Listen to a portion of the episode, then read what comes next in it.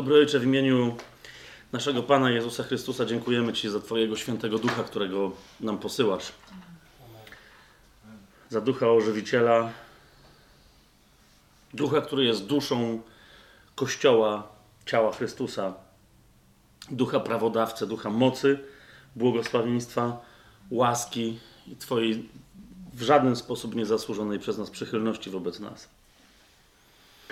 Dzięki Ci, Ojcze, za to, że dzisiaj kolejny raz pochylając się nad tajemnicami Twojego słowa, będziemy mogli nie tylko dowiedzieć się czegoś o Twojej woli, o woli Twojego Syna i o Twoim świętym duchu, o Jego misji w nas, ale że dowiadując się, będziemy też mogli zbliżyć się do Niego, pogłębić naszą więź, umocnić relacje, zakochać się w Nim jeszcze bardziej i ucieszyć nie tylko ucieszyć tą świadomością, że Duch Święty, Bóg jest naszym przyjacielem, ale że chce, abyśmy my byli przyjaciółmi Jego w tej relacji.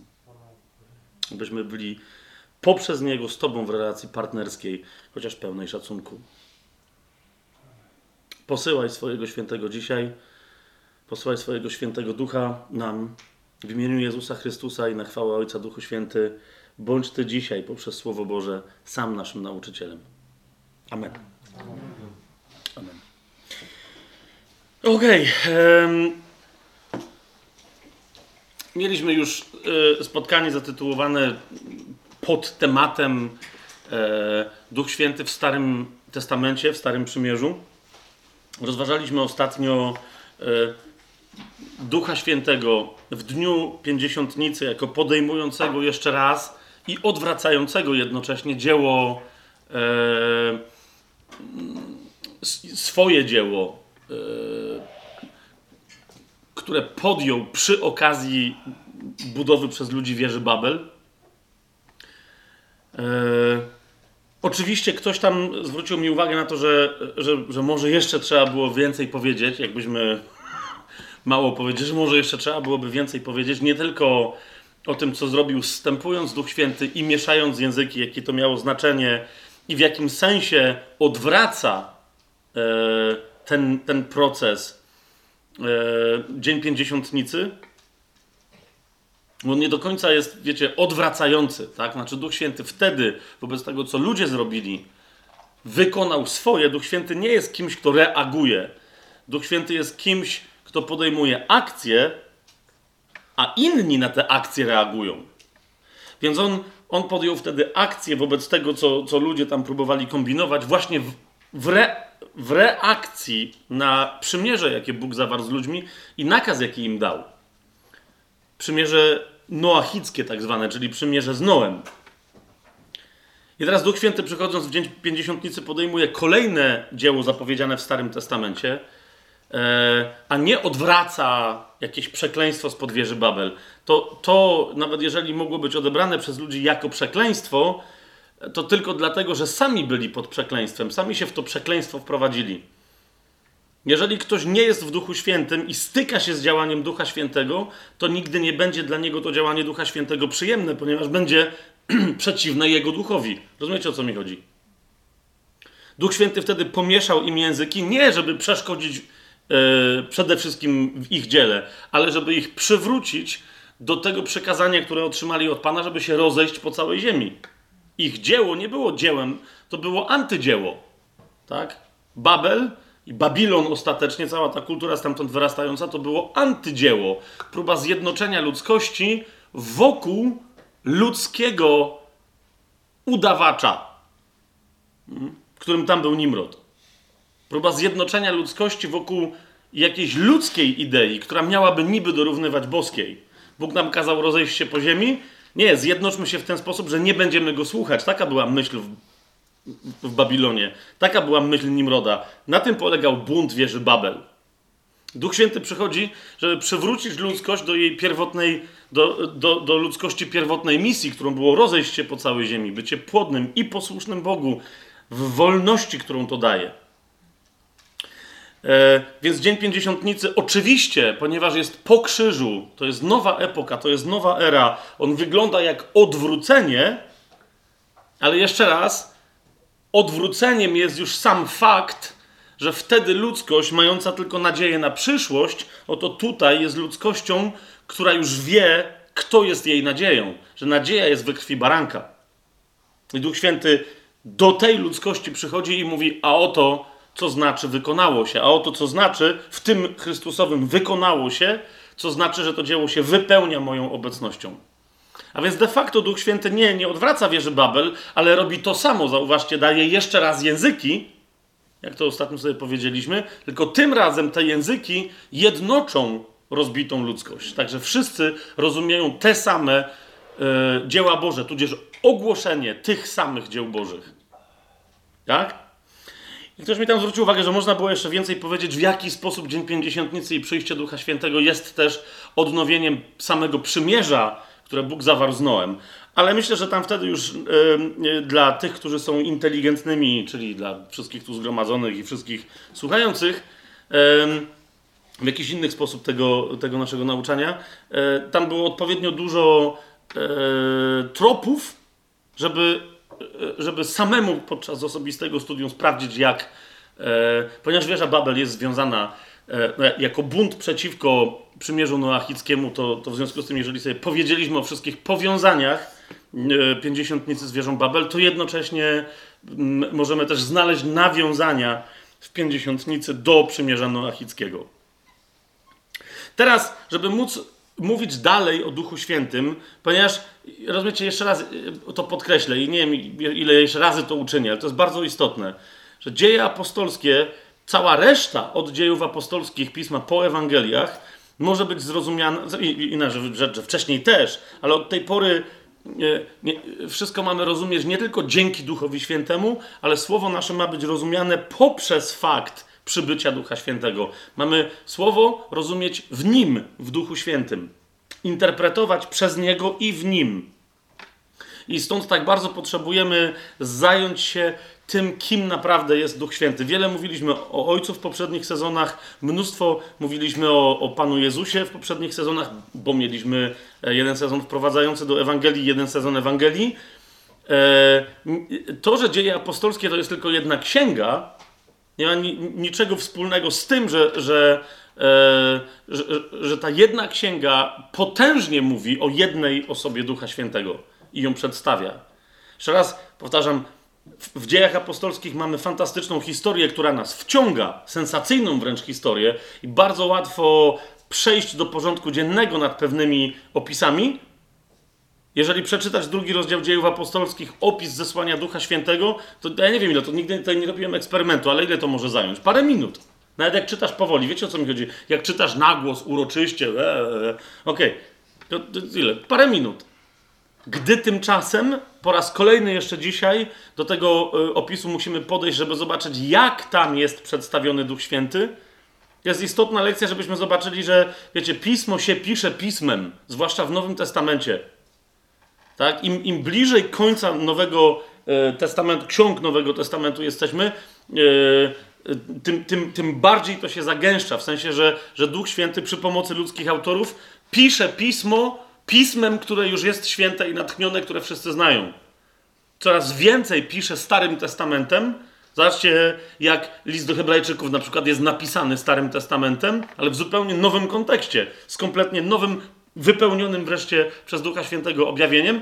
I zobaczcie, jak ostatecznie Księga Objawienia, ostatnia w całej, w całej Biblii, w zasadzie cała jest napisana przy pomocy cytatów, nawiązań, wzorów, typów, Y, całych zdań zaczerpniętych ze Starego Przymierza, które, które tutaj stają się dopiero jasne, chociaż niektórzy mówią, że, że są ciemne. Jeżeli nie rozumieją, jakim fragmentem, jakim zdaniem, jakim słowem ze Starego Przymierza Księga Objawienia się posługuje to, i tylko próbują wymyślać, bo z tej księgi patrzą w przyszłość, a nie interpretują jej przy pomocy przeszłego słowa, które najpierw zostało wypowiedziane, to dlatego może im się wydać ta księga nieco obskurna i zaciemniona i, ta, i tajemnicza. Ale jak się czyta Księgę Objawienia, ostatnią księgę Biblii, całą Biblią, wtedy nagle rozumiesz, co ona objawia. I teraz chodzi mi o to, że to podejście, tego podejścia bardzo potrzebujemy w momencie od, od Księgi Dziejów Apostolskich aż do końca Biblii, aż do końca Ksiąg Nowego Przymierza. Zauważcie, od samego początku Jezus y, tuż przed wniebowstąpieniem mówi pewnego rodzaju językiem, później wszyscy, którzy wychodzą i głoszą, Piotr, Paweł, następni głoszą przy pomocy e, tekstów Starego Przymierza i mówią, o to chodziło w tym tekście, który studiowaliście wy przez ileś tam set lat. O to w nim chodziło, o to, co teraz się dzieje na waszych oczach. To jest to. Teraz dlaczego o tym mówię? Bo kochani, my dzisiaj, e, mam wrażenie, dzisiaj się trochę też do tego odniesiemy, chociaż już o tym mówiliśmy parokrotnie. My dzisiaj w kościele mamy sytuację, w której trochę nie chcemy o tym pamiętać. Że Biblia często mówi, tu jest jakiś wyraz, tu jest jakiś tekst, tu jest jakieś zdanie, ktoś sobie je może interpretować jak chce. Tak mi się przynajmniej wydaje. Ale gdzieś w Biblii jest inne zdanie i ono mówi, to oznacza konkretnie to. Piotr w Dzień Pięćdziesiątnicy cytuje Joela i mówi: Oto na waszych oczach właśnie zaczęła się wypełniać ta zapowiedź. To jest to. Teraz my musimy zrozumieć, co to znaczy, kiedy Piotr to mówi, co tam tak naprawdę się dzieje. Bo my na te teksty yy, także Nowego Przymierza narzucamy nasze dzisiejsze jakieś doświadczenia. I mówimy, a okej, okay, czyli im się stało to, co nam tutaj. Nie, nie, nie. Jeszcze raz. Musimy sprawdzić, co Biblia mówi, że tam się stało. Czym jest owo to, które Piotr, czy Paweł, czy inni wskazują, i zapytać, czym to, co my dzisiaj mamy, to jest to, czy sobie wmawiamy, że to jest to, a nie jest. Zwłaszcza, że tutaj nie chodzi o coś, ale o kogoś. Tutaj chodzi o Ducha Świętego. Dziś, yy, więc mamy kolejne spotkanie poświęcone yy, Duchowi Świętemu w związku z jego objawieniem, bo yy, w dzień pięćdziesiątnicy, w związku z jego przyjściem, wypełnieniem obietnic w dzień pięćdziesiątnicy. Widzicie, sam fakt, że Duch Święty przychodzi w dzień pięćdziesiątnicy, jest znaczący. Bardzo wiele, do dzisiaj w judaizmie niektórzy pytają, o co chodzi z dniem pięćdziesiątnicy? Dlaczego Bóg kazał nam obchodzić tak jak Paschę, Hmm? Tak jak y, dzień y, ofiarowania pierwocin, dlaczego kazał nam liczyć Omer i mamy następnie po liczeniu Omeru obchodzić Dzień Pięćdziesiątnicy, który de facto jest świętem rolniczym. Rozumiecie? Bez Ducha Świętego, bez objawienia Chrystusowego, bez przyjścia Ducha Świętego, Dzień Pięćdziesiątnicy w Biblii jest tylko i wyłącznie dniem dożynek. Okej, okay, nie, nie, nie, niektórzy mówią raczej dniem przeżynek niż dożynek, bo to nie jest. Bo, ale w każdym razie jest dniem związanym ze świętowaniem żniw. Ja wiem, że niektórym z Was już zadzwoniło coś tam w głowie. Okej, okay, jeszcze tam dojdziemy. Nie dzisiaj, ale tam w końcu dojdziemy. Niemniej rozumiecie, dla, dla, dla wyznawcy judaizmu to jest zaraz o co chodzi. I oczywiście, i oczywiście tam powstaje cała teologia, ale jak się przyjrzysz temu, co mówi Biblia w Starym Przymierzu, mówi świętujcie to, że zebraliście i są podane bardzo konkretne pięć owoców yy, i dwa rodzaje zbóż. To jest dzień, kiedy to zebraliście. Na jesieni będziecie świętować sukot, a więc będziecie, będziecie świętować zbiory innych owoców. Ale teraz macie świętować zbiory konkretnych zbóż i konkretnych pięciu owoców, w tym oliwek z tych pięciu. Ale dlaczego? Jeżeli nie ma objawienia Ducha Świętego, nikt tego nie rozumie. I teraz, e, kochani, jak już ktoś z Was sobie wyostrzył ząbki i mówi, okej, okay, czyli dzisiaj ugryziemy ten temat, to nie, ugryziemy go dopiero za tydzień. E, a więc dzisiaj bezpośredniego znaczenia, e, zwłaszcza, że ja nie wiem, czy jak za tydzień zaczniemy, to czy my się w trzech godzinach wyrobimy. No ja nie wiem, czy tak będzie, tak? Szawuot, Szewuot, zależy jak tam kto, kto czyta, święto tygodni, albo też święto siódemek, ponieważ tydzień w języku hebrajskim oznacza także liczbę siedem, siódemkę, tak? Siedem siódemek daje 49 i jednego dnia po tych siedmiu siódemkach świętuje się tych siedem siódemek, czyli pięćdziesiątego dnia. Dlatego my mówimy pięćdziesiątnica. Oryginalnie oznacza święto tygodni, a nie święto pięćdziesiątego dnia. Tak? Święto tygodni przeliczonego Omeru. Co to jest liczenie Omeru? Jeszcze sobie również o tym powiemy, bo to jest istotne. Wszystkie święta zostały przekazane Żydom do obchodzenia, aby później zrozumieli, co one znaczyły. Święta są proroctwami w Izraelu. Okay? A nie mają bezpośredniego, w sensie dosłownym, bezpośredniego znaczenia same w sobie. One są tylko proroctwem. I ono się wypełnia. Parę tych proroctw zawartych w świętach się już wypełniło, o tym parokrotnie w poprzednich sezonach żeśmy mówili, ale są jeszcze święta, które się nie wypełniły. Jeżeli zrozumiemy, jak wypełniły się święta, które Izrael miał obchodzić w Chrystusie i w Duchu Świętym, to tych świąt, które są jeszcze niewypełnione, na zasadzie tej samej interpretacji możemy, rozumiecie, się im przyjrzeć i wiedzieć, co się stanie w przyszłości, jeżeli rozumiemy, jak dotychczasowe święta zostały wypełnione. Bo rozumiecie, jeżeli cztery z siedmiu świąt się wypełniły w określony sposób, to prawdopodobnie trzy pozostałe dokładnie na tej samej zasadzie i według tej samej metody zostaną wypełnione. Jasne jest to, co mówię? Okej. Okay. Niemniej dzisiaj chcę się skupić na, na rzeczy, która tak jak ostatnio, tak zaczęliśmy od pewnej tajemnicy, siedmiu duchów, które okazały się jednym świętym duchem. Tak, dzisiaj y, chcę, y, sięgając do, do tego święta Szewuot, do święta, y, do święta tygodni, do pięćdziesiątnicy, do zielonych świąt, do święta pierwszych plonów, jak też w judaizmie się to święto nazywa, chcę się odwołać do tego, co, co, co jest trochę dziwne, co wielu chrześcijan przyjęło jako oczywistość, nie sprawdziwszy tej oczywistości w Biblii, a jedynie wierząc wyznawcom judaizmu, i co ostatecznie przez intuicję okazuje się być prawdą, ale my musimy tę intuicję wyczyścić. O co mi chodzi? Otóż, jeżeli spytasz jakiegokolwiek Żyda, jakie znaczenie ma święto namiotów, każdy głęboko wyznający Żyd, nie tylko rabin, ale po prostu wyznawcy judaizmu, powiedzą ci, że to nie jest tylko święto rolnicze, ale że święto tygodni, święto pierwszych plonów jest jednocześnie, uważajcie na to, świętem nadania tory. Świętem nadania całego prawa.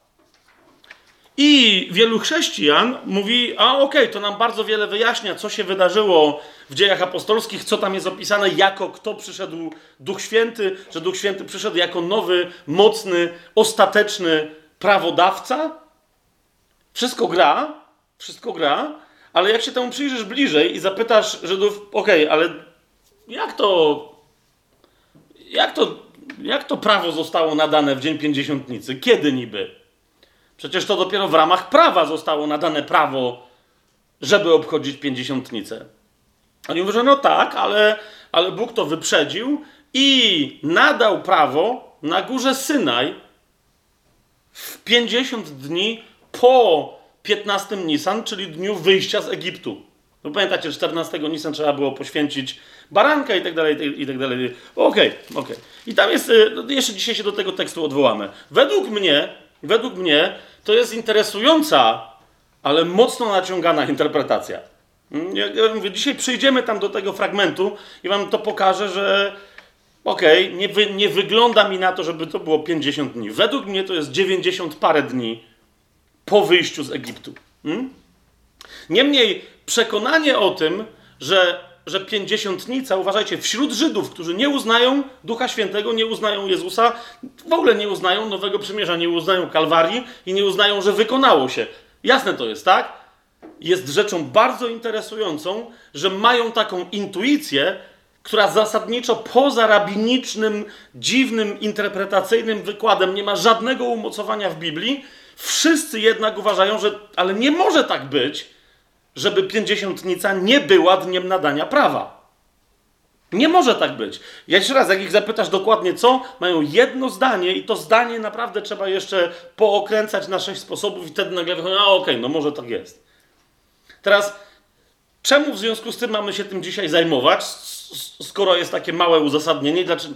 Otóż nie chcę, żebyśmy się kłaniali teraz wyznawcom judaizmu i mówili, ok, czegoś się od was nauczyliśmy. Bo mnie to nic nie obchodzi, że judaizm ma jakieś swoje tradycje, zwłaszcza, że według mnie ta tradycja wygląda na to, że jest tradycją, e, która powstała po śmierci Pana Jezusa na krzyżu. Okay? To jest tradycja e, ostatnich... E, ostatniego tysiąca, może półtora tysiąca lat, ale to nie jest tradycja sprzed przyjścia. Ona nie była wtedy Żydom znana. Dlaczego to jest dla nas istotne? Dlaczego to jest dla nas ważne? Ponieważ w tej intuicji kryje się, według mnie, istotna prawda na temat Ducha Świętego. Kryje się nie tylko wraz z tą prawdą, nie tylko prawda, ale, ale i praktyka wynikająca z tej prawdy w naszej relacji jako, jako córek i synów Bożych ale też jako całego Kościoła do Ducha Świętego i z Duchem Świętym. O co chodzi? Żebyśmy się temu bliżej przyjrzeli, yy, jeszcze raz, no, Żydzi nie, nie, mogą się, nie mogą zrobić tego, co my teraz. Mają tylko według mnie w sobie echo intuicji, która jest prawdą w Biblii. Ale nie mają całego słowa, żeby móc to wszystko ze sobą połączyć, bo musieliby przyjąć Jezusa i musieliby uznać Ducha Świętego. Niemniej, niemniej chcę dzisiaj mówić o Duchu Świętym jako o prawodawcy, jako autentycznym prawodawcy, którego Synaj zaledwie zapowiadał, którego nadanie prawa na górze Synaj zaledwie przepowiadało i to w nie do końca jasny sposób. To nie Synaj i Mojżesz byli tymi, którzy przyszli z prawem na ziemię, oni tylko przyszli, Mojżesz z Synaju zszedł z prawem dla Izraela z autentycznym prawem, zupełnie inaczej rozumianym, bo to jest kolejna rzecz, niż prawo mojżeszowe, dla całego świata przyszedł dopiero Duch Święty. Hmm? Jest to dlaczego, zauważcie, o czym mówię, dlaczego to jest istotne? Ze względu na, na to, e, co później staje się konfliktem w, chrześci w chrześcijaństwie, zwanym konfliktem e, legalizmu. Nie, nie wiem, jak to inaczej nazwać. Chrześcijanie się kłócą, co jest łaską, co jest prawem, które prawo mamy zachować, które nie. I, i co i róż e, z takich decyzji powstają kolejne wewnątrzchrześcijańskie religie, religijki małe i tak dalej. Cały czas wynika to z tego niezrozumienia, jak Duch Święty przechodzi z prawem jako prawodawca, jako mocodawca tego prawa i jako egzekutor tego prawa. Co to oznacza? I nieustannie sięgamy do Starego Testamentu, żeby wyjaśnić, czym jest prawo w Nowym. Zapominając o tym, że wszystko, co związane z prawem w Starym Testamencie, było tylko proroctwem na temat nowego, a nie miernikiem ważności czy nieważności tego, co nowe. Jest to zrozumiałe, co, co mówię? No okej, okay. nie do końca. Nawet jak kiwacie głowami, to i tak widzę, że nie do końca, ale teraz się tym zajmijmy.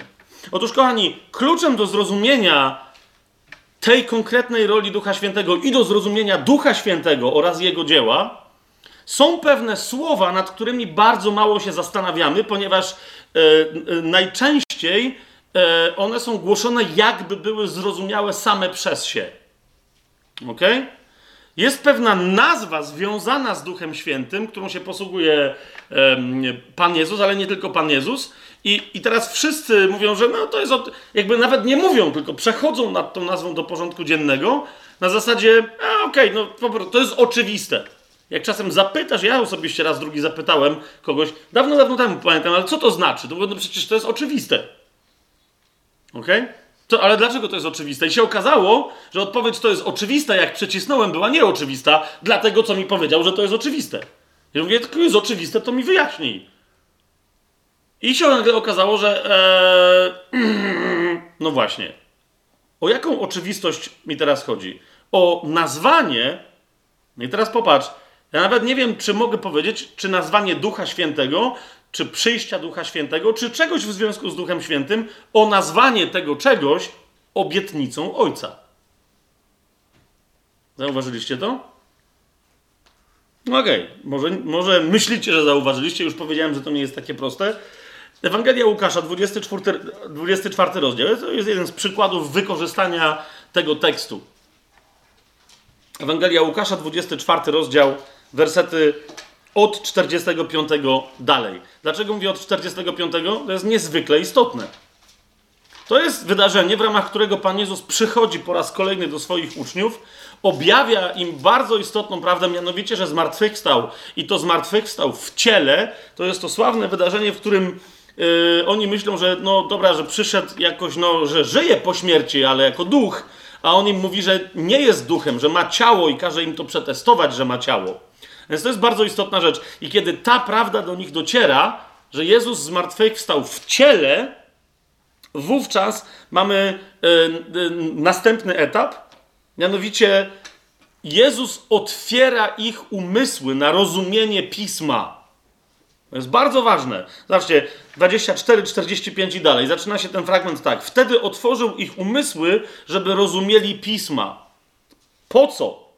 Po pierwsze, powiedział im: Tak jest napisane i tak Chrystus musiał cierpieć i trzeciego dnia zmartwychwstać. I w Jego imieniu ma być głoszona pokuta i przebaczenie grzechów wszystkim narodom, począwszy od Jerozolimy. A wy jesteście tego świadkami.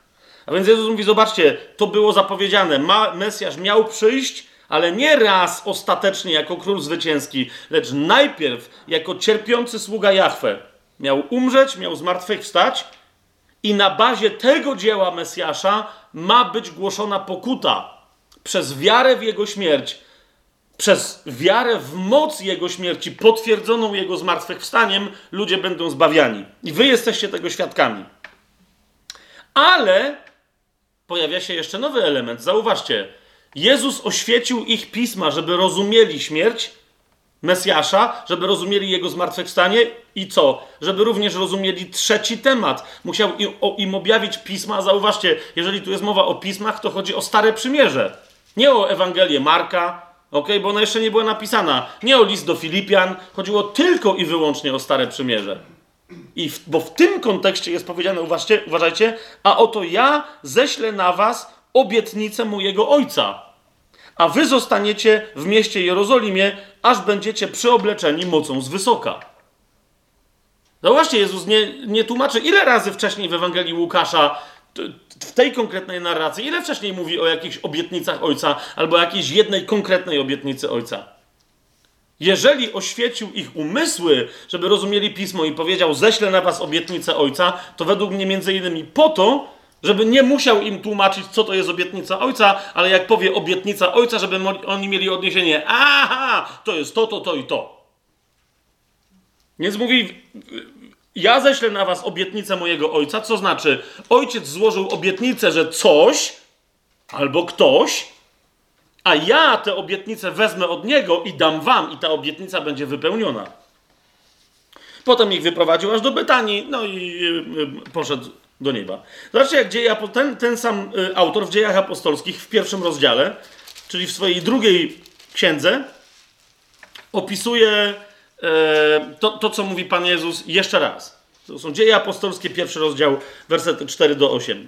A gdy byli zebrani razem, nakazał im: Nie odchodźcie z Jerozolimy, ale oczekujcie obietnicy Ojca, o której słyszeliście ode mnie.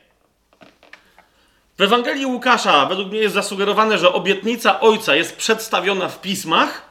Na początku dziejów apostolskich, zwróćcie uwagę, Jezus e, jest przedstawiony jako, jako narrator, który mówi: Odnoszę się do obietnicy Ojca, o której ja mówiłem. Gdybym dzisiaj zadał Wam pytanie, Ok? Biorąc pisma Starego Przymierza, co w tych pismach można byłoby nazwać obietnicą Ojca? Gdzie i co Ojciec obiecuje? To jest pierwsze. Teraz my tu wiemy, że Jezus, y, kiedy mówi o obietnicy Ojca, mówi o Duchu Świętym. Zauważcie, bo, bo w tym pierwszym rozdziale czwartym wersecie Jezus mówi: Nie odchodźcie z Jerozolimy, ale oczekujcie obietnicy Ojca, o której słyszeliście ode mnie. Jan bowiem chrzcił wodą, ale wy po niewielu dniach będziecie ochrzczeni Duchem Świętym. Pytanie brzmi: jak sięgniesz do Ewangelii, to zobaczysz, że to Jan Chrzciciel zapowiadał chrzest w Duchu Świętym, a nie Jezus. To Jan Chrzciciel o Jezusie mówił: Ja was chrzczę wodą, ale on was będzie chrzcić Duchem Świętym. A Jezus to mówi o obietnicy Ojca, która jest związana z chrztem Duchem Świętym, o której Jezus powiedział, o której ja wam mówiłem.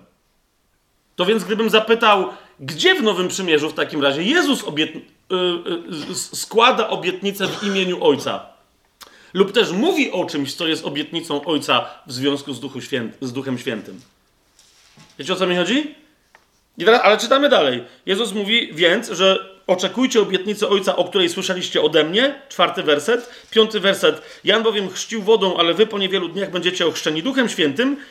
Tak więc zebrani pytali go, Panie, czy w tym czasie przywrócisz królestwo Izraelowi? Zwróćcie uwagę, ich odniesienie jest, jeżeli obietnica Ojca, no to królestwo. Jeżeli ktoś z Was od razu sobie pomyślał, gdzie obietnica Ojca w Starym Testamencie oznacza Ducha Świętego, to zauważcie, oni nie są głupkami, oni mają słuszną ideę, że obietnica Ojca wiąże się z Królestwem. To jest ich pierwsze pytanie. Ty też mówiłeś, Jezu, o Królestwie, które jest obietnicą Ojca z dawien dawna, które ma przyjść że zostanie przywrócone królestwo Izraelowi, że zostanie przywrócony do tego królestwa Dawid jako król. Okay? Że to królestwo będzie trwać tysiąc lat i na wieki będzie trwać, jako najważniejsze, potem jedyne królestwo na całej ziemi. A Jezus w odpowiedzi na to im mówi: Nie, nie, nie, nie, nie, nie.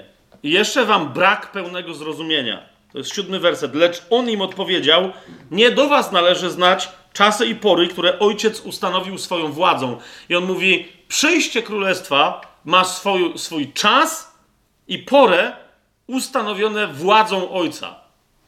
Po, po prostu. I on mówi: To się zgadza, to jest też, to jest też, to jest bardzo ważna część, najważniejsza część obietnicy ojca. Ale Jezus mówi: Nie o tym teraz mówimy. Ósmy werset mówi: Ale przyjmiecie moc Ducha Świętego, który stąpi na was i będziecie mi świadkami w Jerozolimie, w całej Judei, w Samarii i aż po krańce ziemi. Teraz widzicie, Jezus mówi, przystąpienie Ducha Świętego i przyjęcie Jego mocy jest obietnicą Ojca. Teraz dlaczego musimy się temu przyjrzeć? Ponieważ, no, no właśnie, widzicie, to jest jeden z tych fragmentów, które bardzo łatwo wziąć i powiedzieć, moc to jest coś tam, moc to jest coś innego, i powiedzieć, skoro Duch Święty przychodzi, to, to daje nam moc do tego czegoś. Na przykład część ruchu zielonoświątkowego, yy, począwszy od Charlesa Parhama, w zasadzie od niego się to zaczęło, bo, bo mówienie językami wróciło do kościoła wcześniej niż Charles Parham w XIX wieku, ale to on zdaje się jako pierwszy zaczął mówić, że moc Ducha Świętego przychodzi uzdatniając nas przede wszystkim do mówienia na językach. Jeżeli ktoś nie mówi na językach, to nie jest ochrzczony Duchem Świętym. I tam się zaczęła, wiecie, cała dyskusja, czy do kogoś przyszedł Duch Święty, czy nie, kto jeszcze nie mówi językami. Wiecie, ja nie, nie chcę teraz w co ale to było to. Moc oznacza mówienie językami. Potem ktoś inny zwrócił uwagę, no nie, ale zawsze jak przychodzi Duch Święty, czy mówią językami, czy nie, to to mówienie językami zawsze przynosi ze sobą proroctwo. Teraz ktoś inny stwierdził, proroctwo to jest przepowiadanie przyszłości, a więc dopóki w kościele nie ma proroków, którzy widzą przyszłość, chociaż Słowo Boże na przykład w pierwszym do Koryntian 12, 13, 14 wyjaśnia proroctwo, że nie jest tylko przepowiadaniem przyszłości. Ale jak ktoś znowu się, wiecie, da swoją definicję, że moc to jest przepowiadanie, dopóki nie ma przepowiadania przyszłości, to inne kościoły stwierdziły, że, że skoro przyjdzie Duch Święty, to da, da nam moc do robienia czego? No do robienia takich dziwnych rzeczy, do których normalnie nie mamy mocy.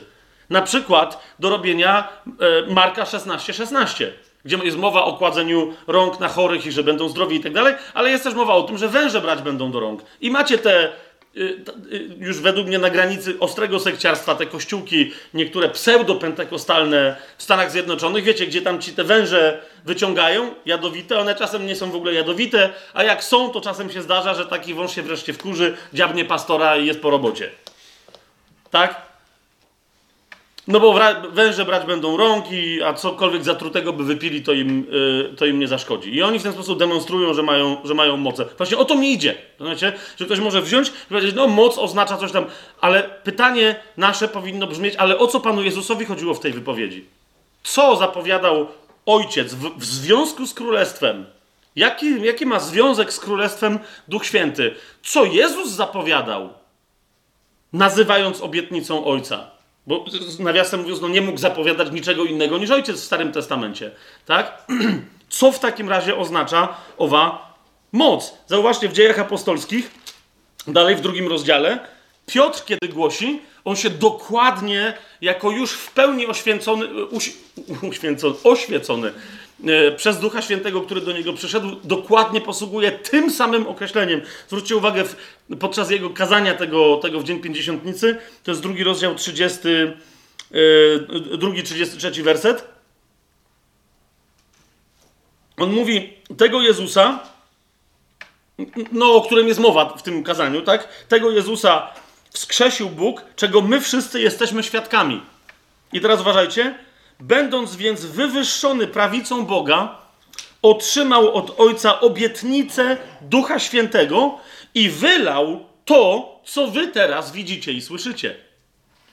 Nie będę rozkładał teraz tego zdania, ale zauważcie, Piotr mówi rzecz, która wcale niczego nam nie wyjaśnia, a tylko troszeczkę jeszcze stawia znaków zapytania raczej. Mianowicie on mówi, to Duch Święty sam w sobie jest obietnicą a to, co wy widzicie, jest skutkiem jego przyjścia do nas, a nie to jest obietnicą. Czy widzicie to? On mówi, że y, otrzymał od Ojca obietnicę Ducha Świętego i wylał to, co wy teraz widzicie i słyszycie. W sensie wylał Ducha Świętego, ale, ale co to znaczy, to wiemy my, którzy mamy go wylanego. A to, co wy widzicie i słyszycie, jest skutkiem tego wylania. Czy to jest jasne? A więc mówienie językami, prorokowanie i tak dalej, to wszystko, co ludzie widzą z zewnątrz, szumy, ognie, zjawiska, to wszystko to nie jest Duch Święty. Swoją drogą, ważne jest, żeby o tym pamiętać.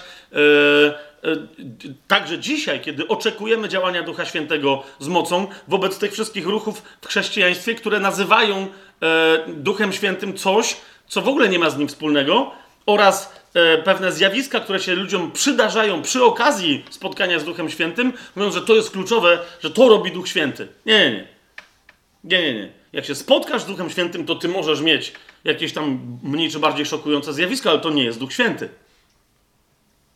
Zatem dziś będziemy e, sobie stawiać pytanie nie czym, ale kim jest obietnica Ojca i z czym przychodzi. Jeszcze raz powtórzę to pytanie: kim jest obietnica Ojca i z czym przychodzi? Zauważcie, w kontekście, bo, bo myślę, że, że w odpowiedzi na to pytanie bardzo szybko zobaczymy związek między obietnicą Ojca a intuicją wyznawców judaizmu, że pięćdziesiątnica musi być związana z nadaniem prawa. Tylko tyle, że oni na siłę szukają nadania prawa na Synaju, a my wiemy, że prawo przyszło na Syjonie. Hmm?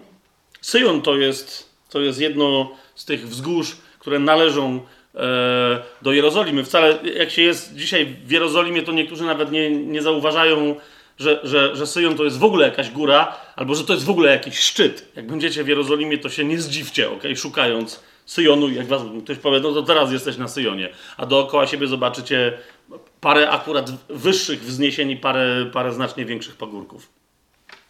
Zatem, kim jest obietnica Ojca i z czym przychodzi?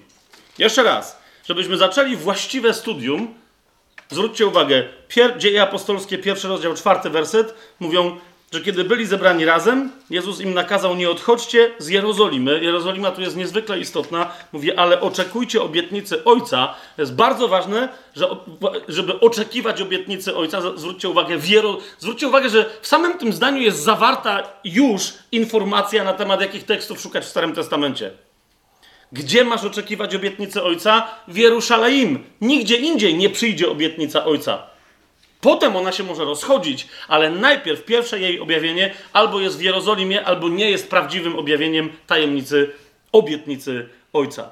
A więc Jezus mówi: Nie odchodźcie z Jerozolimy, ale oczekujcie obietnicy Ojca, o której słyszeliście ode mnie. Gdzie słyszeliśmy o obietnicy Ojca od Jezusa? Otwórzmy sobie Ewangelię Jana. 14 rozdział najpierw.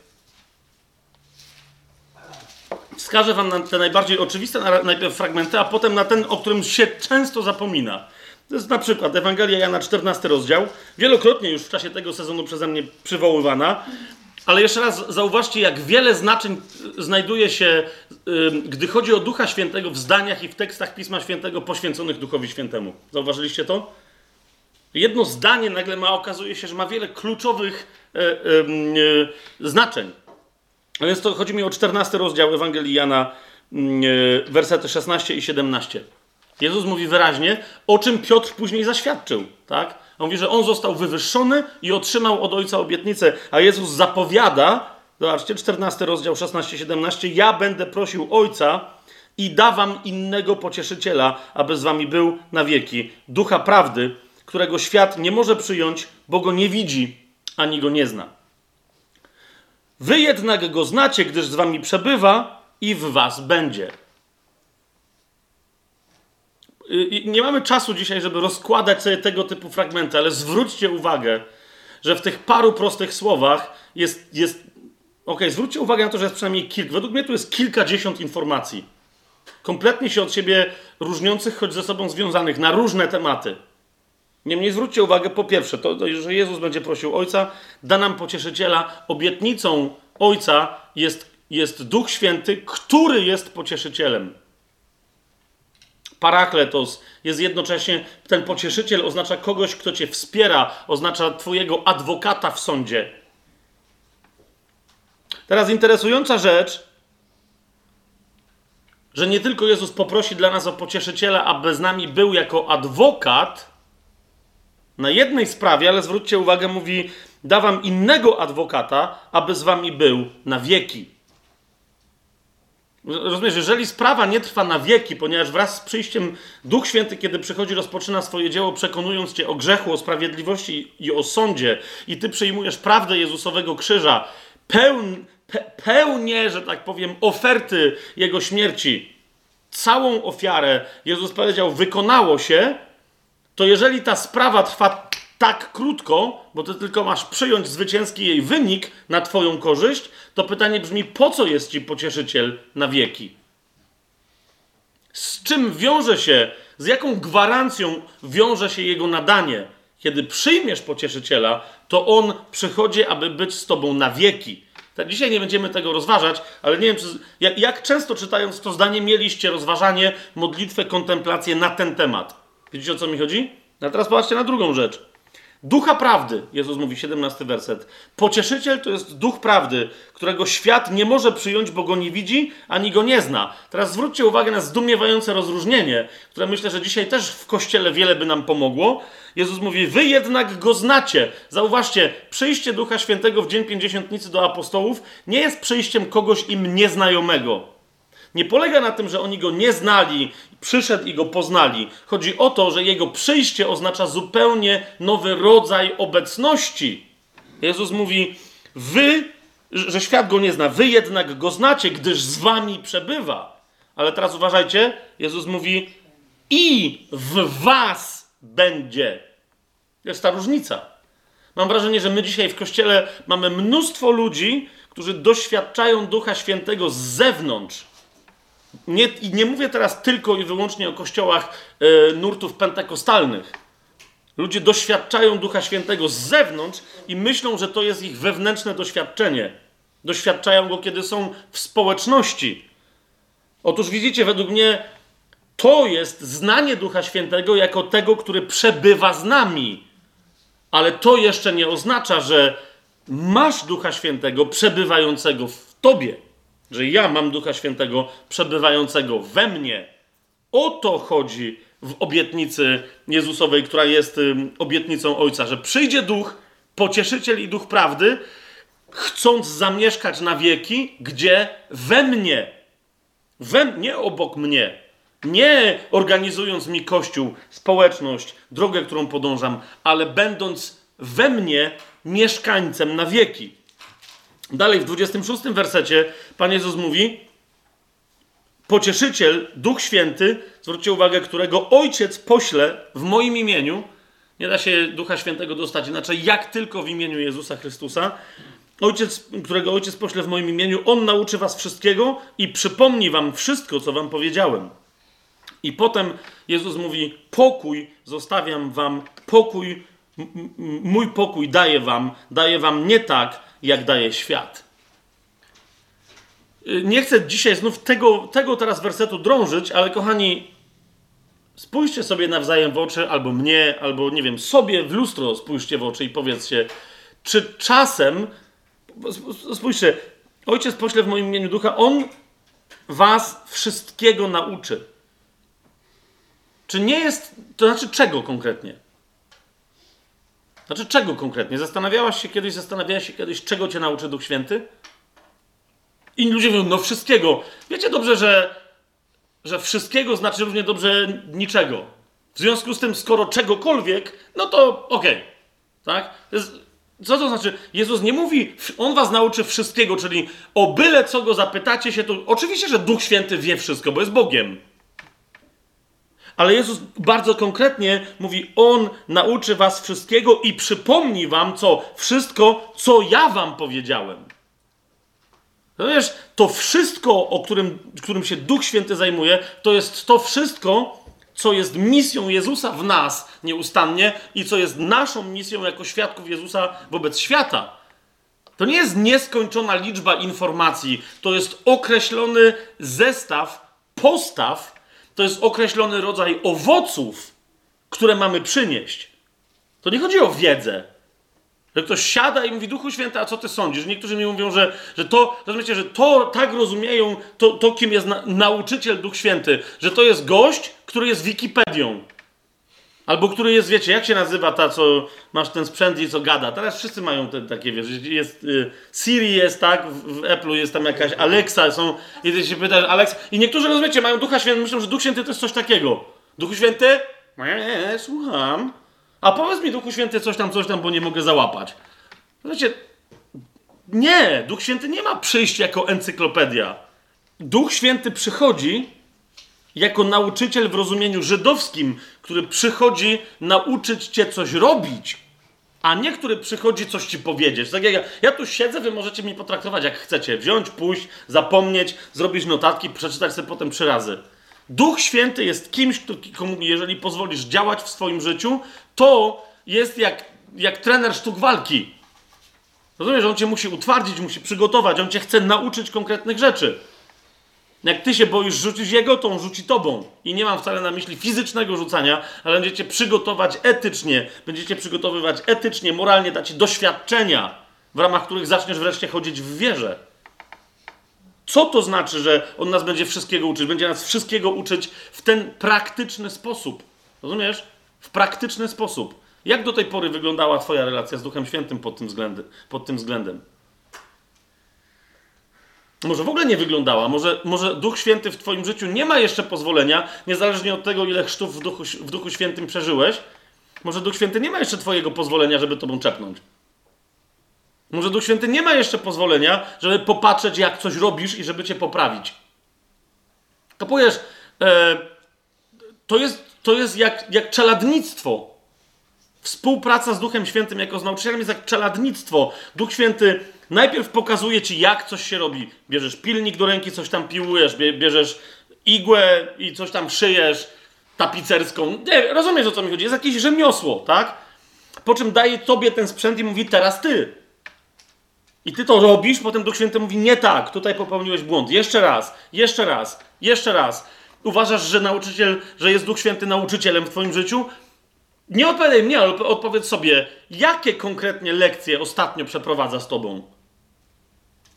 Jakie konkretnie lekcje przeprowadza z tobą? Czego cię uczy? Jakiego rodzaju aspektów fachu, którym jest bycie świadkiem Jezusa aż po krańce ziemi?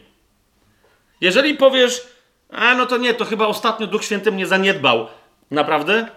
Duch Święty ciebie zaniedbał? Czy może nie został ten profesor wpuszczony do własnej klasy? To znaczy, że on się nie będzie dobijał. Jak ty się nie chcesz uczyć, idziesz na wagary, to nie będzie cię gonił. Jest miejsce, to jest centrum ścieżki pełnienia woli Bożej, gdzie czeka na ciebie nauczyciel. Jak cię tam nie ma, jak jesteś na wagarach, są uświadom, że jesteś na wagarach i nie miej pretensji, że profesor Duch Święty nie lata za wagarowiczem.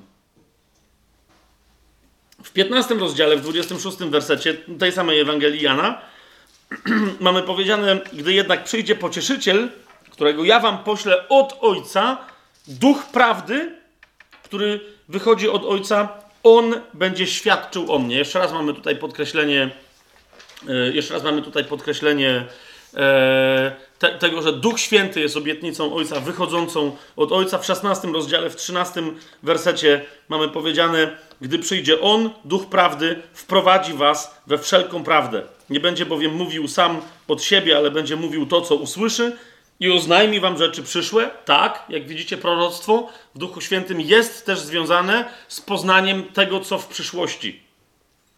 Bo jak powiedziałem wcześniej, że, to, że, że proroctwo nie musi oznaczać tylko i wyłącznie przepowiadania przyszłości, tak z drugiej strony chcę zaznaczyć, jeżeli mamy do czynienia z prorokami, którzy tylko i wyłącznie mówią o tym, co tu i teraz, e, pocieszając ludzi w taki czy inny sposób, a nigdy nie mówią na temat przyszłości, to znów istnieje pewna wątpliwość, czy to aby na pewno jest Duch Święty. Bo proroctwo u niego tak ma charakter pocieszenia, pokrzepienia i zbudowania na dziś, ale zawsze łączy się z obietnicą na przyszłość, konkretnie dla człowieka. A więc tu y, musimy mieć Yy, musimy mieć balans. To są takie fragmenty, bo tylko chciałem szybko pokazać, to są takie fragmenty, które, gdzie Jezus ewidentnie mówi o Duchu Świętym wychodzącym od Ojca. Ale chcę yy, nam, nam, bo i sobie, i, i wam przypomnieć o takim, takiej zapowiedzi Ducha Świętego, obietnicy Ojca, którą zwykle pomijamy, a jest odniesieniem do obietnicy Ojca i jeszcze wprost Jezus mówi, że ja teraz wołam na temat tego, co jest obiecane i zapowiedziane w pismach Starego Przymierza. To jest Ewangelia Jana, siódmy rozdział, że zostaniemy tylko tutaj. To jest Ewangelia Jana, siódmy rozdział. Od 37 wersetu y, będę czytać.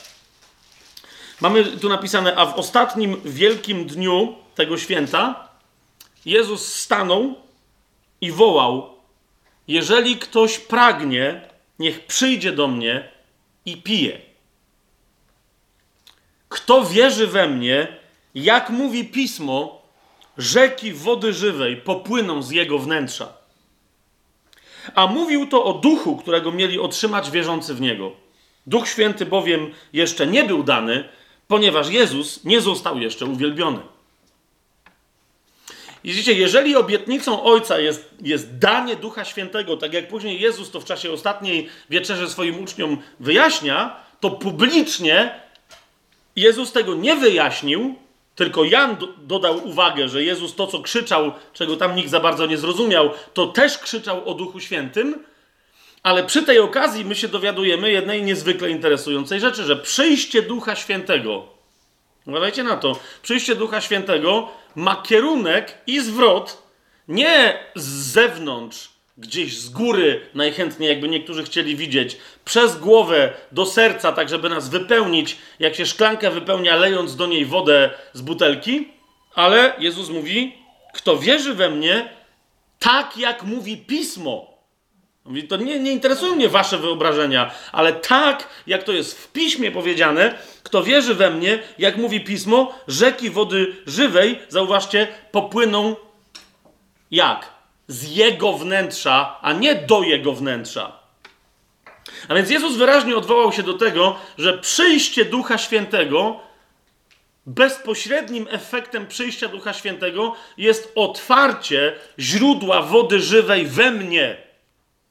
Nie w niebie, gdzie źródło wody żywej jest otwarte i można czasem z niego zaczerpnąć, ale że to ja stanę się źródłem wody żywej. Ja się stanę źródłem rzeki płynącej, z, którą, z której tę żywą wodę mogą pić inni. I, I rozumiecie, konkretnie Jezus się odwołuje do czwartego rozdziału, do czternastego wersetu tej samej Ewangelii.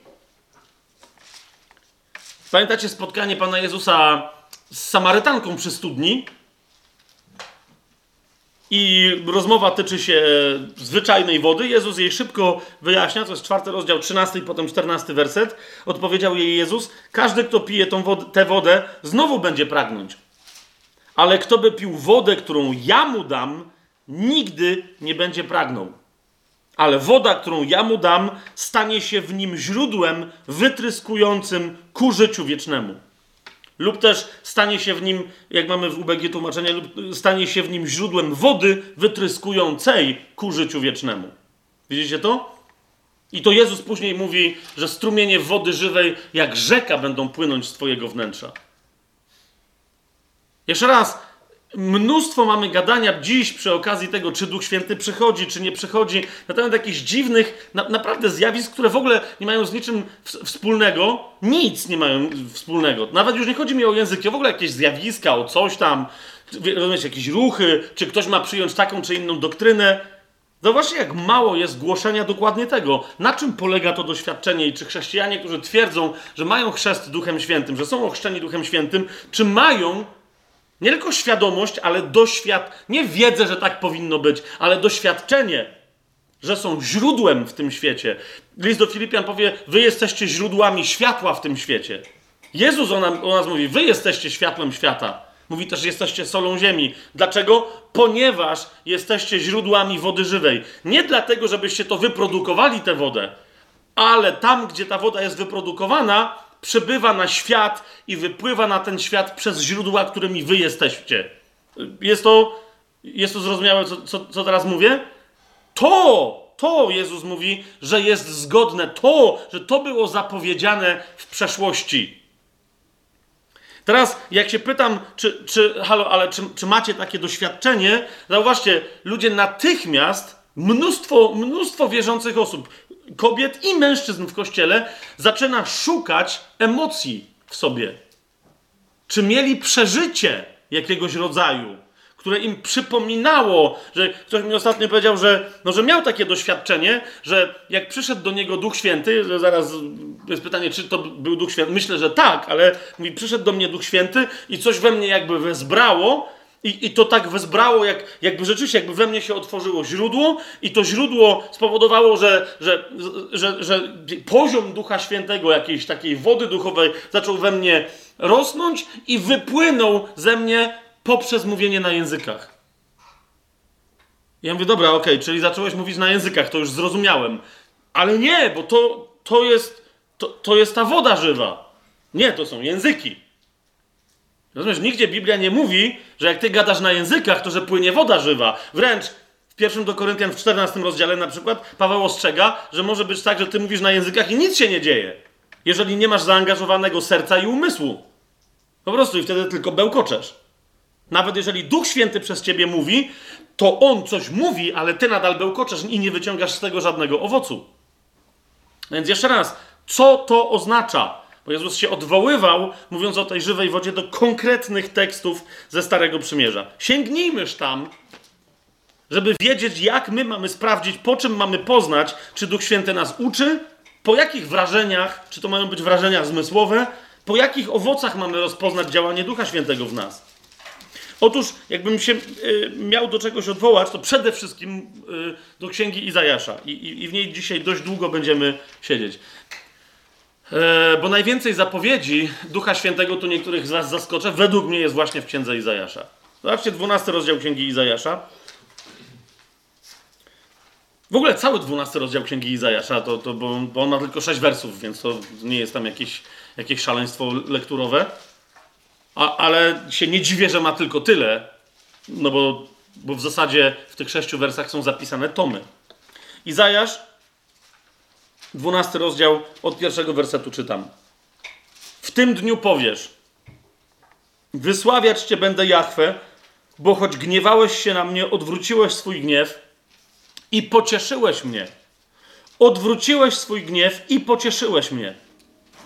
Pocieszyciel, kiedy przychodzi, przychodzi, aby objawić człowiekowi, że w Chrystusie gniew został odwrócony, że sprawiedliwość została wymierzona komu? Temu, który myślał, że jest władcą tego świata, a nie człowiekowi, a człowiek został w krwi Chrystusa co? Usprawiedliwiony. Dalej, drugi werset. Oto Bóg jest moim zbawieniem. Zaufam i nie będę się lękał. Zapamiętajcie te słowa. Zaufam i nie będę się lękał, gdyż Jehowa Bóg jest moją mocą i moją pieśnią, i On stał się moim zbawieniem. Jak w języku hebrajskim brzmi zwrot Jahwe zbawia? Jehowa jest mocą Bożą ku zbawieniu? Jeszua, co po polsku tłumaczy się Jezus. Oto mój Bóg jest moim zbawieniem. Jehowa Bóg jest moją mocą, moją pieśnią i On stał się moim zbawieniem. I teraz patrzcie na to. Z radością więc będziecie czerpać wodę ze zdrojów zbawienia. Z radością będziecie czerpać wodę ze zdrojów zbawienia. Pierwsze, z czym przychodzi Duch Święty, przez wyznanie, zanim się jakieś chrzty w Duchu Świętym jeszcze zaczynają dziać, zawsze Duch Święty przychodzi z tym źródłem otwartym w Twoim sercu, wody żywej, o którym ty wiesz, że nie ty produkujesz ani to źródło, ani tę wodę. On przychodzi z pewnością Twojego zbawienia. Ludzie, którzy nie są pewni tego, czy krzyż Chrystusa był wystarczająco dobry, żeby zmazać ich wszystkie grzechy i zapewnić im bezpieczeństwo przed piekłem, no albo mają problem z doktryną, którą zostali oszukani, albo być może nie mają realnego doświadczenia zbawienia i trzeba się tym, z tym uporać. No właśnie, jak wielu rzymskich katolików yy, powie ci, że znasz Jezusa? Tak. Wierzysz w zmartwychwstanie? Oczywiście. I teraz nagle zapytasz, a masz pewność zbawienia? No dajże spokój. Przecież nikt by nie był taki pyszny. A to nie o to chodzi, czy ja jestem pewny tego, czy ja. Bo tam koncepcja polega na czym? Nieważne, co zrobił Pan Jezus. Wobec tego, co, to, co on zrobił, to jedynie powiedział: OK, od tej pory to, to jest znaczenie krzyża dla większości katolików.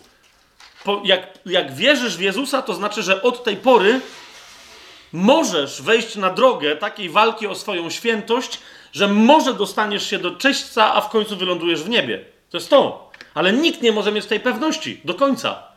Jeżeli rzymski katolik całe życie harował i był święty, w, tym sensie, i jeszcze był pokorny, nie nazywając się świętym, w tym sensie pracy dla Boga, jeżeli w ostatnim momencie, w ostatnim momencie swojego życia, taka jest doktryna rzymskokatolicka, to, to nie jest prawda, ale taka jest doktryna rzymskokatolicka, jeżeli w ostatnim momencie swojego życia popełni grzech, który będzie grzechem, jak oni mówią, śmiertelnym, grzechem ciężkim, pozbawiającym człowieka łaski Bożej, to co się stanie? To idzie do piekła. Dlatego, wiecie, wielu rzymskich katolików przez to jest osłabione, a to nie ma co. Można żyć jak chcesz, byle w ostatniej chwili swojego życia się upewnić, że się wyspowiadasz, albo że, nie wiem, przyjdzie ksiądz z ostatnim namaszczeniem, krótko mówiąc, że, że ten, to zapewnienie łaski uświęcającej będziesz mieć w momencie śmierci. Zauważcie, wszystkie modlitwy, wstawiennictwo rzekome świętych, Maryi i tak dalej, te wszystkie historie, zwróćcie uwagę, najważniejsza modlitwa katolików, zdrowaś Mario, nawet nie, że tylko do Maryi, ale w ogóle, tak? W pewnym momencie co mówi? E, e, coś tam jest, tam jest, jest tam modlitwa i na końcu jest módl się za nami teraz i kiedy? I w godzinę śmierci. Żebyśmy my wtedy mieli łaskę uświęcającą, którą dopiero wtedy... Rozumiecie, co to ma wspólnego z krzyżem, z ofiarą złożoną? No bo ta łaska jest przez Pana Jezusa, okej, okay. ale nadal to ja ją sobie muszę wywalczyć, to ja ją muszę wyszarpać. Wiesz o co mi chodzi? Głos, my, my, powinniśmy wyjść poza słowa w momencie, kiedy rozmawiamy na przykład z rzymskimi katolikami, bo ty mówisz zbawienie, Jezus, e, łaska, zdroje wody żywej, Duch Święty i każdy katolik ci odpowie, ale ja mam to samo. Bo słyszy te same wyrazy, te same słowa, te same związki frazeologiczne, które ma u siebie w kościele. Żeby mu ogłosić zbawczą prawdę, która uwalnia, przecież wiecie, jaka jest wolność w przyjęciu realnego doświadczenia zbawienia. To jest zupełnie inna historia. I, I, trzeba wejść głęboko, mocno w te słowa, żeby komuś, komu głosimy, żeby, żeby to rozjaśnić. A więc z radością będziecie czerpać wodę ze, ze zdrojów zbawienia. Czwarty werset tego dwunastego rozdziału mówi: W tym dniu powiecie: Wysławiajcie Jahwe, wzywajcie Jego imienia, rozgłaszajcie wśród ludów Jego dzieła, przypominajcie, że Jego imię jest wywyższone. Śpiewajcie Panu, gdyż uczynił wielkie rzeczy Śpiewajcie Panu, gdyż uczynił wielkie rzeczy. Niech będzie o tym wiadomo po całej ziemi. Otwórzcie sobie dzieje apostolskie, drugi rozdział, jeszcze raz. I powiedzcie mi, czy dzieje apostolskie nie, nie dość wyraźnie mówią, że dopiero w momencie przyjścia Ducha Świętego te rzeczy, ta zapowiedź z dziejów apostolskich zaczęła się realizować. Dzieje apostolskie, mm, e, drugi rozdział, jedenasty werset. Słyszymy ich mówią przedstawiciele wszystkich narodów pod słońcem, nawróceni na judaizm tam, mówią, słyszymy ich głoszących w naszych językach co? Wielkie dzieła Boże. To jest dokładnie to, co zapowiada w 12 rozdziale, nie tylko tam i nie tylko Izajasz, ale między innymi Izajasz w swoim 12 rozdziale. 21 werset. Piotr mówi, że to, co wy teraz widzicie, to nie, nie chodzi o to, że. Bo on mówi, że Joel to zapowiadał. Ale nie koncentrujcie się na nie czekajcie, aż się pojawią teraz znaki na niebie na słońcu, na księżycu. Nie, mówi, zaczęło się od czego? Od tego. 21 werset. I stanie się, że każdy, kto wezwie imienia Pana, będzie zbawiony. Wszędzie, gdzie przychodzi Duch Święty, wszędzie, gdzie przychodzi Duch Święty, gdzie mamy realną Jego obecność i realne Jego działanie, są też realne Jego owoce, a one zawsze objawiają się nawróceniami. Ludźmi, którzy doświadczają zbawienia, nowonarodzenia i potem przynoszą owoce tego nowonarodzenia. Niestety, i to muszę powiedzieć bardzo wyraźnie, w, w praktykach wielu kościołów oni mówią: My mamy Ducha Świętego, mamy znaki, mamy cuda, ale zapytaj, ile macie osób, które przyszły do Twojego zboru z innych zborów szukając szaleństwa, które się u was rozpoczęło, może i pozytywnego, fantastycznego uwielbienia, tańców, śpiewów, upadań pod mocą ducha, głoszenia proroctw. Ile osób przyszło z innych zborów, a ile osób macie takich, które jeszcze jakiś czas temu były w świecie i u was się nawróciły? Znaczy, i, i, i w wielu, ja już parę takich rozmów w Polsce odbyłem i w wielu kościołach niektórzy nagle robią oczy i mówią, yy, ale to też jest owoc, że przychodzą do nas z innych. Ja cię, ja cię rozumiem, ale Słowo Boże mówi, stanie się, że każdy, kto wezwie imienia Pana będzie zbawiony. Gdzie jest Duch Święty, tam On najpierw przekonuje o grzechu, o sprawiedliwości i o sądzie i głosi, żeby wezwać imienia Pańskiego, a będziecie zbawieni i ludzie z radością to robią. A nie przywołuje najpierw innych chrześcijan, bo ich zbory są bardziej smutne, żeby byli bardziej weseli. Jest to, jest to jasne, co mówię? To tego Duch Święty nie robi, a nawet jeżeli robi, to chodzi mi o to, że nie robi w pierwszej kolejności. W 38 wersecie, jeszcze raz, to, to jest dokładnie to, co się dzieje, kiedy przychodzi Duch Święty. Piotr mówi, bo, bo tam pada pytanie, to, to co się teraz dzieje, co z tego wynika, co mamy robić. To jest dokładnie to, co się dzieje w Duchu Świętym. 38 werset drugiego rozdziału dziejów apostolskich. Pokutujcie i niech każdy z was ochrzci się w imię Jezusa Chrystusa na przebaczenie grzechów, a otrzymacie i wy ten sam dar Ducha Świętego. Pokuta, chrzest wodny i, i, i dar Ducha Świętego. Gdzie jest Duch Święty, tam jest pokuta i chrzest wodny. To jest kolejna rzecz. Zobacz pod, przez całe dzieje apostolskie. Pokaż mi, gdzie miałby przychodzić Duch Święty. To, oczywiście czasem jest tak, że kolejność jest inna, tak? Jak w domu Korneliusza. Ale zauważcie, jak widzi Piotr w domu Korneliusza Ducha Świętego przychodzącego do pogan, jaka jest jego pierwsza myśl? To jeżeli oni otrzymali Ducha Świętego tak jak my, to kto miałby im odmówić chrztu wodnego? Po prostu. To jest pierwsza jego reakcja. On nie myśli o żadnych innych dalej konsekwencjach. Nie jara się, że wow, goście gadają na językach. Ty i jeszcze w dodatku tak gadają, że prorokują. Nie. Pierwsza rzecz, w takim razie chrzest. W takim razie chrzest. Musieli dokończyć głoszenie Chrystusa, musiało dojść do wyznania wiary osobistego, indywidualnego. Wszystkich, którzy tam byli, którzy tego doświadczyli. Oni to zresztą zapewne chętnie zrobili, bo byli pod mocą Ducha Świętego, znali prawdę i ją przyjęli i się ochrzcili. Wróćmy do, do Izajasza i do tych jego y, zapowiedzi. Więc widzicie, to jest pierwsza rzecz. Jeżeli, jeżeli mamy obietnicę Ojca, to ona przychodzi z tymi owocami. Ale otwórzmy Izajasza 44 rozdział.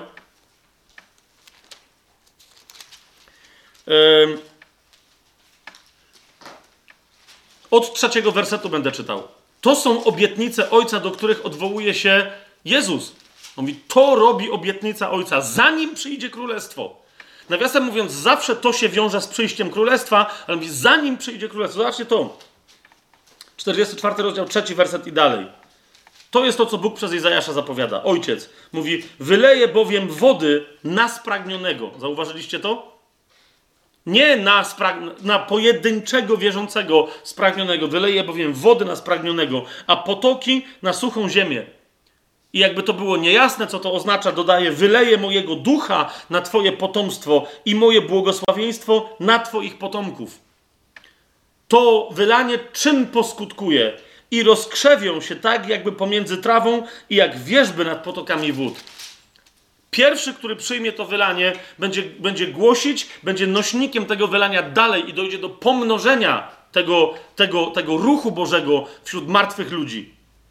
A ci, nie tylko, że się będą pomnażać, ale pomiędzy tymi, którzy już będą mieli wylanego tego ducha, co się wydarzy?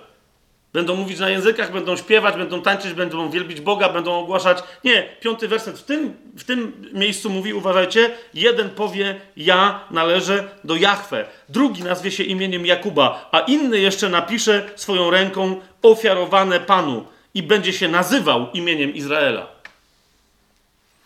Otóż wszyscy przyłączą się do Izraela w taki czy inny sposób przez deklarację, to jest bardzo istotne.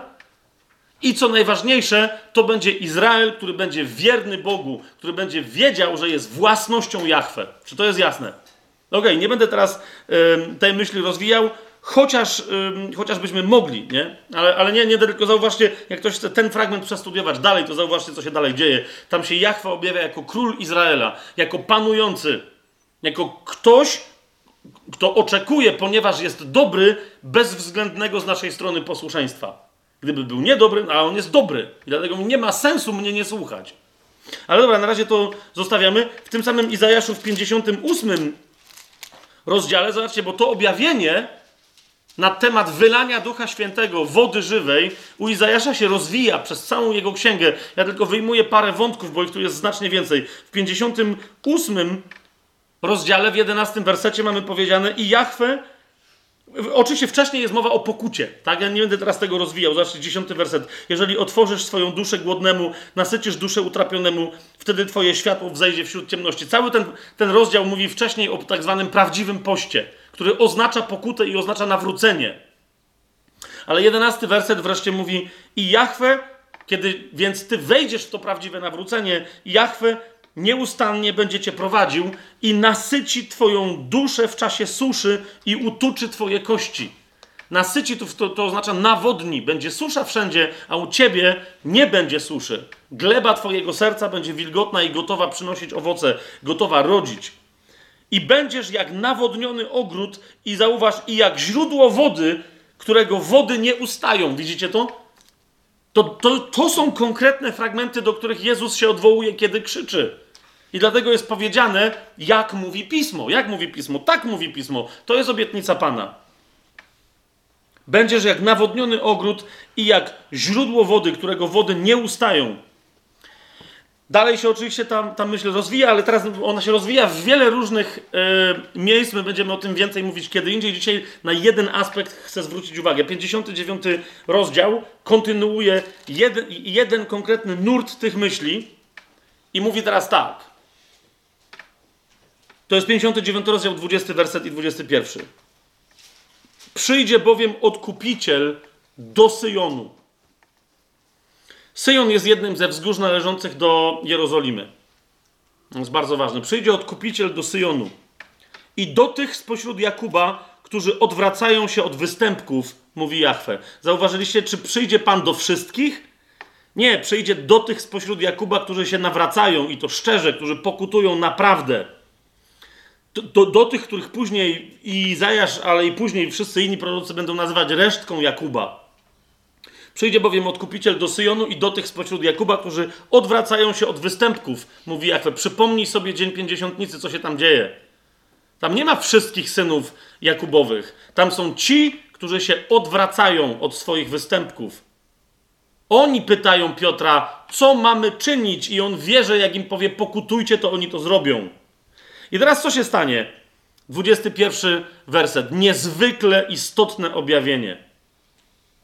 Jak przyjdzie odkupiciel, to pojawi się przymierze. I Jachwę mówi: A to będzie moje przymierze z nimi, mówi Jachwę. Mój duch, który jest w tobie, i moje słowa, które włożyłem w twoje usta, nie, odstęp, nie odstąpią od twoich ust, ani od ust twego potomstwa ani od ust potomków Twojego potomstwa, mówi Pan, odtąd aż na wieki. Przymierze jest w odkupicielu, ale jednym z aspektów tego przymierza jest nadanie ducha, który będzie rodzić kolejne pokolenia potomków duchowych. Otóż, kochani, w tym miejscu, dlaczego powiedziałem, że, że, mamy, że mamy zupełnie nowe objawienie u Izajasza, które dopiero później jest przez innych proroków rozwijane, bo wcześniej tego nie było w Starym Przymierzu, pojawia się słowo przymierze w ogóle, nie w odniesieniu do przymierza z góry Synaj, ale mówi wyraźnie o, o jakimś przymierzu związanym z górą Syjon.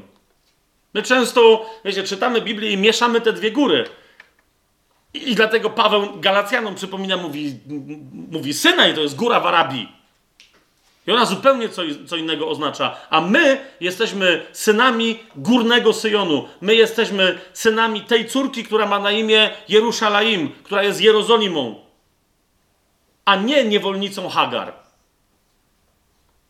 Dopóki ktoś chodzi pod prawem Syjonu lub yy, Synaju, lub rozumienia prawa, tak jak kazał rozumieć Synaj, nie ma możliwości funkcjonowania w łasce Syjonu. Syjon to jest Jerozolima. Synaj to jest pustynia arabska.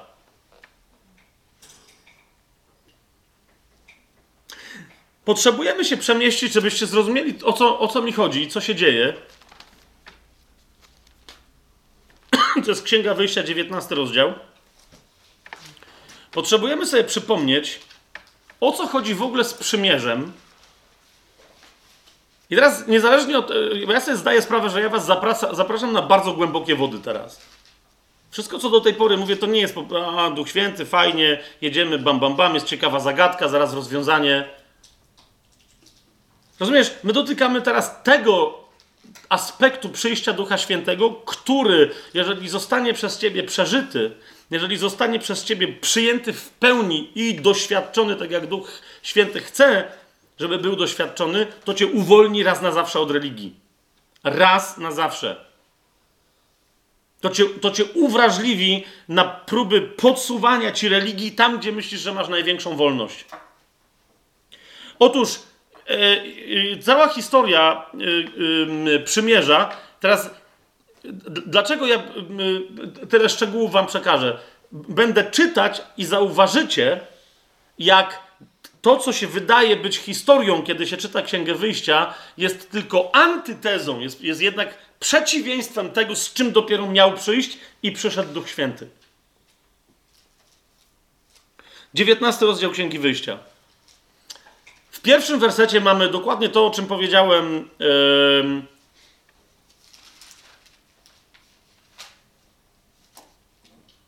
dokładnie to, o czym powiedziałem e, na początku. To jest ten jeden werset, na podstawie którego niektórzy rabini mówią, że no stąd wiemy, że może nie cała Tora, ale 10 przykazań było nadanych w dzień pięćdziesiątnicy. Ponieważ 19 rozdział rozpoczyna się od sformułowania w trzecim miesiącu od wyjścia synów Izraela z ziemi Egiptu, w tym samym dniu przyszli na pustynię Synaj. Nie wiem jak wy, ale ja tu widzę, że jest napisane dokładnie trzy miesiące po tym, jak wyszli, tak przyszli pod górę Synaj. Nie wiem, czy wy to widzicie. Tak samo jak ja to widzę. W trzecim miesiącu od wyjścia synów Izraela z ziemi Egiptu, w tym samym dniu.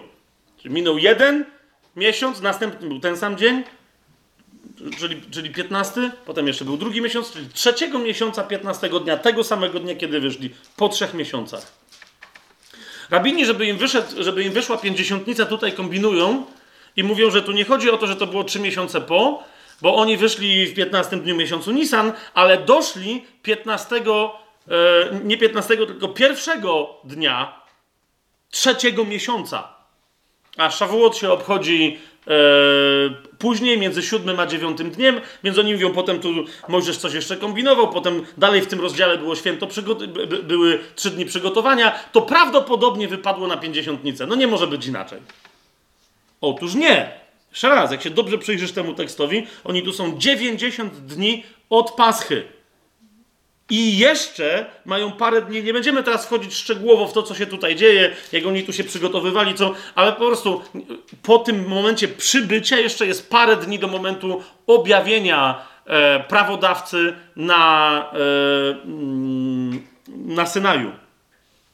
W trzecim, i, i, więc nie, nie będziemy więcej komentować, ale gdyby ktoś z Was chciał, tam nie ma żadnego w Biblii bezpośredniego nawiązania, że jakiegokolwiek 50 dnia po Pasrze, czy też po dniu ofiarowania pierwocin z jęczmienia, że- że 50 dnia y, coś się wydarzyło pod. y, y, Czy tego samego roku, czy następnego coś się wydarzyło pod Synajem. To jest, czy to jest jasne? Czy to jest jasne? Jest tam według mnie przez Ducha Świętego Żydom dana pewna intuicja, ale jeszcze raz, dopóki oni nie przyjmą pięćdziesiątnicy jako właściwego dnia tej naszej pięćdziesiątnicy, kiedy przyszedł Duch Święty, kiedy oni nie przyjmą tej pięćdziesiątnicy, to nie zrozumieją tak naprawdę, dlaczego Synaj jest związany z nadaniem realnego prawa. Okay? Ale na razie czytamy tę historię, jak ona miała miejsce w dziewię... Więc przyszli pod Synaj. Pamiętacie, wyszli z Egiptu, przeszli przez Morze Czerwone, uciekali przed Faraonem, był słup, który ich chronił, zaciemniał drogę Faraonowi im oświetlał drogę. Pamiętacie to wszystko? Przeszli przez Morze Czerwone. Pamiętacie to wszystko? Okej. No to pamiętacie też tę historię, dlatego skoro wszyscy pamiętacie, to sobie ją przypomnimy. W trzecim wersecie do szóstego mamy napisane następujące rzeczy, że jak już tam przyszli, Mojżesz wstąpił do Boga i Jachwę zawołał do niego z góry. Tak powiesz domowi Jakuba i oznajmisz synom Izraela. Widzieliście, co uczyniłem Egipcjanom i jak niosłem was na skrzydłach orłów i przyprowadziłem was do siebie. Swoją drogę, swoją drogą jest jedna postać w Księdze Objawienia niesiona na skrzydłach orłów na pustynię. Nie wiem, jak ktoś przy tamtej postaci mógł, mógł pomyśleć coś innego niż tylko, że to jest Izrael w Księdze Objawienia, tak? W 12 rozdziale. Ale na razie nie, nie, nie, nie tam jesteśmy, tylko wam pokazuję, jak. Okej, okay. idziemy dalej. Więc yy, na skrzydłach orłów przyprowadziłem was do siebie i teraz piąty werset. Pan mówi: Dlatego teraz, jeżeli posłuchacie mojego głosu i będziecie przestrzegać mojego przymierza, będziecie moją szczególną własnością ponad wszystkie narody, bo do mnie należy cała ziemia. Bóg mówi: Jest taki plan, do mnie należy cała ziemia. Ja nie, nie będę się źle obchodził z innymi narodami, ale wy będziecie narodem absolutnie wyjątkowym w moich oczach. Będziecie kimś zupełnie szczególnym. I teraz w tym dziewiętnastym rozdziale, w dziewiątym wersecie mamy bardzo interesującą rzecz. Pan powiedział do Mojżesza: Oto przyjdę do ciebie w gęstym obłoku, aby lud słyszał, gdy będę z tobą rozmawiał. Uważajcie, i uwierzył ci na zawsze. Lud nie może mnie zobaczyć, mówi Pan, ale będę z tobą tak głośno rozmawiał, że lud to usłyszy i to powinno wystarczyć, aby jak następnie ty przyjdziesz, dasz im prawo, przedstawisz przymierze, które ja proponuję, żeby ci uwierzyli na zawsze. Już znacie historię, to wiecie, że nie do końca tak to poszło, ale idźmy dalej, bo ja tylko najważniejsze elementy z tego wyjmuję. W szesnastym wersecie mamy napisane: Trzeciego dnia o poranku pojawiły się grzmoty i błyskawice, i gęsty obłok nad górą, i bardzo potężny głos trąby, tak że cały lud, który był w obozie, nagle zadrżał. I Mojżesz wyprowadził lud z obozu na spotkanie z Bogiem i stanęli u stóp góry. A góra Synaj cała dymiła, gdyż Jahwe stąpił na nią w ogniu. Dym unosił się z niej jak dym z pieca i cała góra bardzo się trzęsła. A głos trąby się przeciągał i coraz bardziej się rozlegał. Mojżesz mówił, a Bóg odpowiadał mu swoim głosem. Zapamiętajcie sobie ten obraz. Bo jeszcze będziemy się musieli do niego odwołać.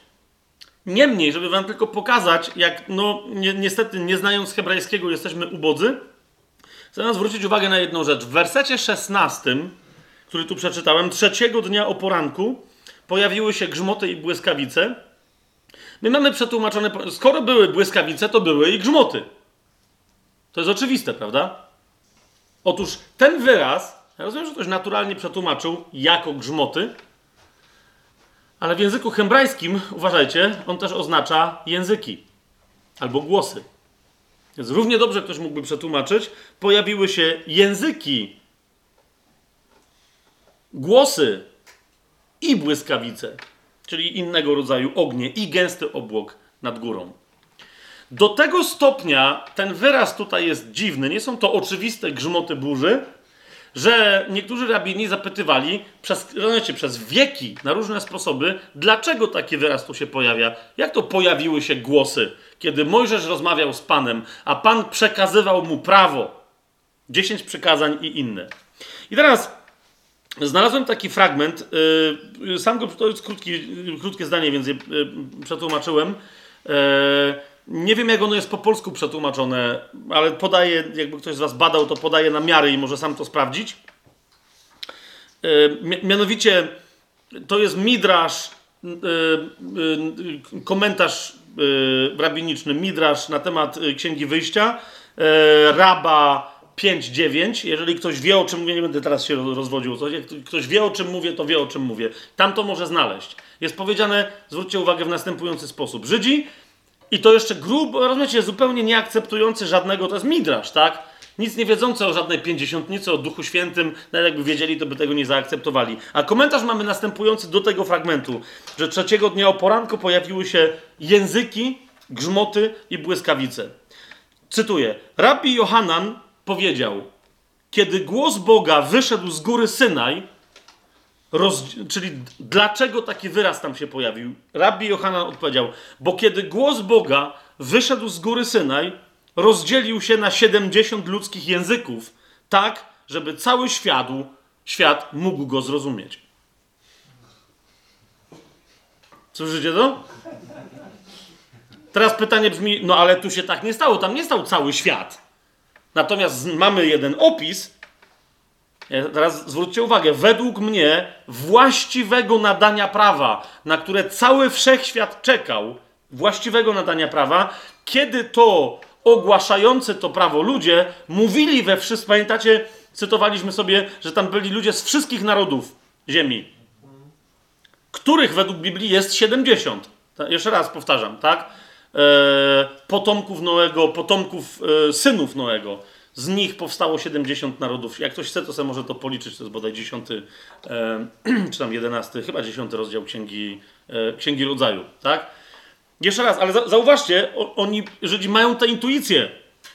Tylko, że to jest intuicja zapowiadająca coś w przyszłości, tak? Rabbi Johanan powiedział, jeszcze raz to przeczytam, kiedy głos Boga wyszedł z góry Syna i rozdzielił się na 70 ludzkich języków, tak aby cały świat mógł go zrozumieć. I teraz wracamy. E, to było to doświadczenie. Góra się trzęsła. Mojżesz był na tej górze i rozmawiał z Bogiem, ale nikt nie wiedział, co jest grane. Wszyscy byli przerażeni i drżeli, tak jak ich góra drżała. Tak? Zwłaszcza, że wiecie, jak ta góra drży, to się można spodziewać, że to jest wulkan, a wtedy może nie jest najlepszym pomysłem, żeby przy nim stać. A ten im powiedział: podejdźcie i nie wchodźcie na tę górę, bo to się źle skończy, ale też nie odchodźcie, bo to się też źle skończy. Więc rozumiecie, było takie, okej, okay, stoimy i nie wiadomo, co się wydarzy. I 20, y, od 20 rozdziału, od pierwszego wersetu, bo tu mamy tylko opis, jak to wyglądało z zewnątrz, czyli 19 rozdział, to jest opis, jak to wyglądało z zewnątrz, z punktu widzenia stojącego poza granicą tej góry Izraela. A od 20 wersetu dowiadujemy się, co to konkretnie Bóg mówił, tak? Do Mojżesza i co mówił także cały Izrael go słuchał. To jest od 20 rozdziału, od pierwszego wersetu, a Bóg mówił te wszystkie słowa. Ja jestem Pan, Twój Bóg, który cię wyprowadził z ziemi Egiptu, z domu niewoli i tak dalej, i tak dalej, i tak dalej. To są te rzeczy, które Bóg tam wygłosił. Okay? I teraz przeskoczmy do rozdziału 24, bo Bóg tam dosyć dosyć mówił. Jak ktoś chce wiedzieć, ile mówił, to niech se przeczyta tyle, ile tu jest napisane, cały ten tekst i wtedy będzie wiedział, że oni tam pod tą górą zaś cały dzień nie stali. Tak? 24 rozdział, jak sobie otworzycie czwarty werset. Jak już to wszystko zostało wygłoszone, co się wydarzyło? E, Mojżesz postanowił to, co zostało wygłoszone, zapisać. Tak? Więc mamy 24 rozdział, czwarty werset. E, I dalej, zobaczcie, co się stało. Wtedy Mojżesz spisał wszystkie słowa Jahwe, a kiedy rano wstał, zbudował ołtarz u stóp góry i ustawił 12 słupów według liczby 12 pokoleń Izraela. 12 słupów według liczby 12 pokoleń Izraela. Ok? To tylko jeden z oczywistych tropów, dlaczego Pan Jezus wybrał 12 apostołów, o których później jest powiedziane, że będą sędziami 12 pokoleń Izraela. To jest ich bezpośrednie zadanie. Okej. Okay. I posłał młodzieńców z synów Izraela i ci ofiarowali całopalenie i złożyli Jachwę cielce jako ofiary pojednawcze. A potem Mojżesz wziął połowę krwi i wlał do czaszy, a drugą połową pokropił ołtarz. Nie będziemy się teraz w to wdawać, ale rozumiecie, każdy szczegół tu jest niezwykle istotny i wyjaśniony w Nowym Testamencie. Okay? A jednocześnie, jak wiesz, do czego się w Nowym Testamencie rzeczy te odnoszą, oraz co w Nowym Testamencie się odnosi do tych fragmentów, to dopiero daje komplementarne rozumienie. Następnie wziął Księgę Przymierza, uważajcie na to, i czytał ludowi, a oni powiedzieli: Wypełnimy wszystko, co Jahwe mówił, i będziemy posłuszni. A więc Jachwę gadał z tej góry, ona drżała, ci drżeli. Ten zapisał, jeszcze raz im przeczytał. I zauważcie, nie, on im nie mówi to, co wy na to, tylko oni sami zakrzyknęli. Wszystko wypełnimy. Będziemy absolutnie posłuszni. Widzicie to? Mojżesz, ósmy werset, wziął więc krew i pokropił lud, mówiąc: Oto krew przymierza, które Jachwę zawarł z wami według wszystkich tych słów. Ja wiem, że my mamy dzisiaj chrześcijańską perspektywę i my wiemy, że. Ale, ale wejdźcie w dramaturgię, dynamikę tej, tej opowieści. Widzicie o co mi chodzi? My dzisiaj wiemy, list do Hebrajczyków, że ta krew nie mogła nic. Ponieważ oni bazowali na swojej przysiędze, a jej nie dochowali. My, my znamy tę historię, ale i tak ta krew nic nie mogła. Pamiętacie, krew cielców, baranów wnoszona do świątyni, nic nie może. Co i róż trzeba ją powtarzać, bo jest grzech, jest ofiara, jest grzech, jest ofiara, jest grzech i znowu trzeba ofiary. I tak w kółko ta krew nic nie może. Dopiero krew Chrystusa może. Ale teraz my, my dzisiaj mówimy o Duchu Świętym. No wiecie, czym, jak, gdzie my mamy Ducha Świętego? Mamy Jezusa jako tego, który zakrzyknął, wykonało się. Amen. Ale, ale dostrzeż Ducha Świętego, który jest gwarantem tego, że się wykonało we mnie. Bo to jest ta, rozumiesz, tak samo jak ta, to pokropienie krwią było tylko zapowiedzią właściwego pokropienia krwią baranka, to co w tej historii jest zapowiedzią czego dalej w związku z Duchem Świętym? Uważajcie, więc Oto krew przymierza, które Jachwę zawarł z wami, według wszystkich tych słów. I teraz rzecz, o której mało, to mnie zadziwia, że mało chrześcijan o tym wie, bo niektórzy mówią, że tylko Mojżesz widział Boga i tak dalej, i nie wiedzą o tym, że, że to było tak niezwykłe wydarzenie, że się wtedy odbyła impreza, na którą Jachwę zaprosił więcej ludzi. I wstąpili, zauważcie dziewiąty werset i dalej, i wstąpili Mojżesz, Aaron, Nadab i Abichu oraz siedemdziesięciu ze starszych Izraela, i widzieli Boga Izraela, a pod jego nogami było jakby dzieło z szafirowego kamienia, jak niebo, gdy jest jasne. Tam, wiecie, z tymi kamieniami tego rodzaju, e, dosłownie e, tydzień temu dostałem informację, że na górze Karmel, to teraz no, nie będziemy sięgać, jest góra Karmel, ale no to jest wszystko tam, tak? Od Arabii aż po Izrael. Jakaś izraelska firma szukająca szafirów znalazła zupełnie nowy rodzaj szafiru, który już został nazwany szafirem Karmelu i jak się domyślacie, w ciągu tygodnia jest w tej chwili jednym z najdroższych kamieni, którego wszyscy poszukują, nawet jeszcze nie wiedzą, jak wygląda. Więc a tam, rozumiecie, a tam Bóg siedział, po prostu, całe, całe połacie szafiru pod jego nogami, to jest król, tak? Jest porządna impreza. Nie na jakichś marmurach, jakieś dziadowskie posadzki. A na przywódców synów Izraela Jachwę nie wyciągnął swojej ręki, chociaż widzieli Boga, jedli i pili. Hmm? hmm? Ja nie, nie wiem, coś mówił, ale, ale, ale czy my, aby wiemy, co się dzieje, kiedy my mamy ucztę nieporównywalną absolutnie z tym nawet, co tutaj się działo, czyli wieczerze. Pamiątkę wieczerzy. Oni tam mieli szczęście, że Jachwę nie wyciągnął na nich ręki. Wyjątkowo im pozwolił. To rozumiesz, jakie my mamy szczęście, kiedy, to, to, kiedy on nas, nie że mówi, a to macie łaskę, kiedy on nam mówi, róbcie to ile tylko możecie, codziennie. Cieszcie się moją obecnością pośród was, bo gdzie dwóch albo trzech się gromadzi w moje imię, tam ja jestem pośród nich. Wtedy Jachwę powiedział do Mojżesza, zauważcie, E, dalej się historia toczy. Wtedy Jachwę powiedział do Mojżesza: Wstąp do mnie na górę i bądź tam, a dam ci, w sensie przebywaj tak długo, aż dam ci kamienne tablice, prawo i przykazania, które napisałem, abyś ich nauczał. A więc widzicie, prawo jest wypowiedziane, czy przynajmniej dekalog, te pewne rzeczy są tak zwany dekalog, bo tam jest tych przykazaniach, jak się przyjrzycie, de facto więcej niż 10, ale to niech będzie. Mm, więc jest wypowiedziany. Mojżesz coś tam popisał i przeczytał, ale to nie są jeszcze te, to nie jest jeszcze ta historia, kiedy Pan sam swoim palcem wypisał na kamiennych tablicach. Swoją drogą to też były, y, wszystko wskazuje na to, y, y, tablice szmaragdowe, a nie, wiecie, z piaskowca, jak to w niektórych filmach pokazują. Bo tu jest powiedziane wyraźnie, że to, że to był drogocenny kamień w Słowie Bożym. Więc on mówi: wstąp i teraz ja ci napiszę, żebyś ty widział, jak to się w ogóle pisze. Prawdopodobnie widząc, co Mojżesz popisał, Bóg postanowił poprawić jego różne błędy, nie tylko ortograficzne. Okay? Mojżesz wstał więc wraz z Jozułem, swoim sługą, i Mojżesz wstąpił na górę Boga.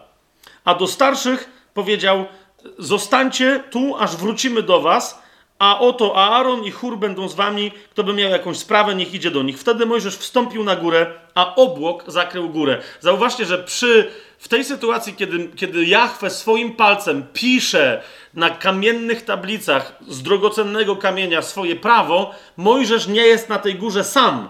My nie do końca wiemy, gdzie jest Jozue, ale według mnie to jest istotne, że ten, który przynosi prawo, jest z kimś, kto ma na imię Jezus. Ponieważ Jozue to jest nasze inne tłumaczenie, ale to jest to samo imię, które Jezus nosił, czyli Jeszua. Okay? Oni we dwóch są na tej górze. Mojżesz i Jeszua, ten jego Jeszua, który był jego sługą, ale jednak wtedy, kiedy Pan pisze na, na tej górze swoje prawo. Więc mamy 15 werset. Mojżesz wstąpił na górę, obłok zakrył górę. Chwała Pana spoczęła na górze Synaj, a obłok okrywał ją przez sześć dni. W siódmym dniu Pan zawołał na Mojżesza spośród obłoku, a wygląd chwały Pana w oczach synów Izraela był jak ogień pożerający na szczycie góry. Kolejny raz zwracam Wam uwagę, jest opis góry yy, Synaj. I jest powiedziane wyraźnie, że chwała Pana na tej górze była ogniem pożerającym. Niektórzy z Was już wiedzą, do czego nawiązuję, a jak nie, to dzisiaj tam jeszcze wylądujemy, mam nadzieję. ok? Ale zwróćcie uwagę, Duch Święty tu napisał coś, co później sam sobie skomentował. I jak my później tam to czytamy, chodzi mi konkretnie o list do Hebrajczyków, to musimy pamiętać, gdzie to się zaczęło, żeby mieć właściwy kontekst, a nie wymyślać swoich strasznych historii. Kiedy to jest informacja, wiadomość, wieść cudowna o miłości Jahwe, a nie o grozie. I Mojżesz yy, wszedł w środek obłoku i wstąpił na górę dokładnie tam, gdzie był ten ogień trawiący, pożerający na szczycie góry. Mojżesz wszedł w środek obłoku, wstąpił na górę, a był Mojżesz na górze 40 dni i 40 nocy. I teraz znowu Pan zaczyna mówić do Mojżesza tam i znowu mamy parę rozdziałów, kiedy Pan do niego mówi. Przeskoczmy sobie szybciutko do rozdziału 30, yy, do rozdziału 31.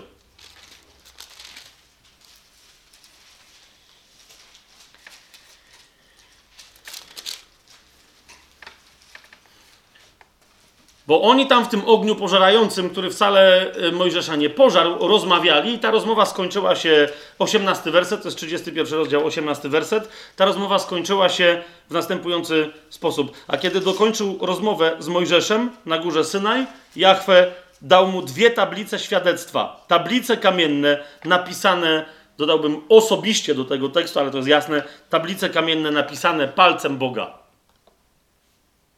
W tym samym czasie jak, jak niektórzy mają żartobliwe filmiki na YouTubie na temat ekscesów w Rosji czy w Polsce, to, to, jest, to jest filmik Meanwhile in Russia albo Meanwhile in Poland. Ja bym tutaj dokładnie rozdział 32 zatytułował Meanwhile down the gdzie Izrael był w, w obozie. Ok? Jeszcze raz. Wyprowadził ich Pan mocną ręką z Egiptu prowadził ich, pokonał faraona, przeprowadził ich przez Morze Czerwone, widzieli, co się działo na tej górze i sami z siebie ogłosili, że będą posłuszni wypełnią wszystko, co mówił. Wystarczyło, że na parę dziesiąt dni, ledwo trochę ponad miesiąc, zniknął im Mojżesz z oczu i nagle stwierdzili, że nie wiedzą, co jest grane. Nagle stwierdzili, że czy aby to wszystko, co się do tej pory wydarzyło, miało jakikolwiek sens? Jeszcze raz, nie ma co się nabijać z Izraela, przyjrzyjcie się temu, co się dzieje po kościołach dzisiaj. Ludzie mają potężne doświadczenia mocy Bożej, miłości Bożej, e, są zbawiani i tak dalej.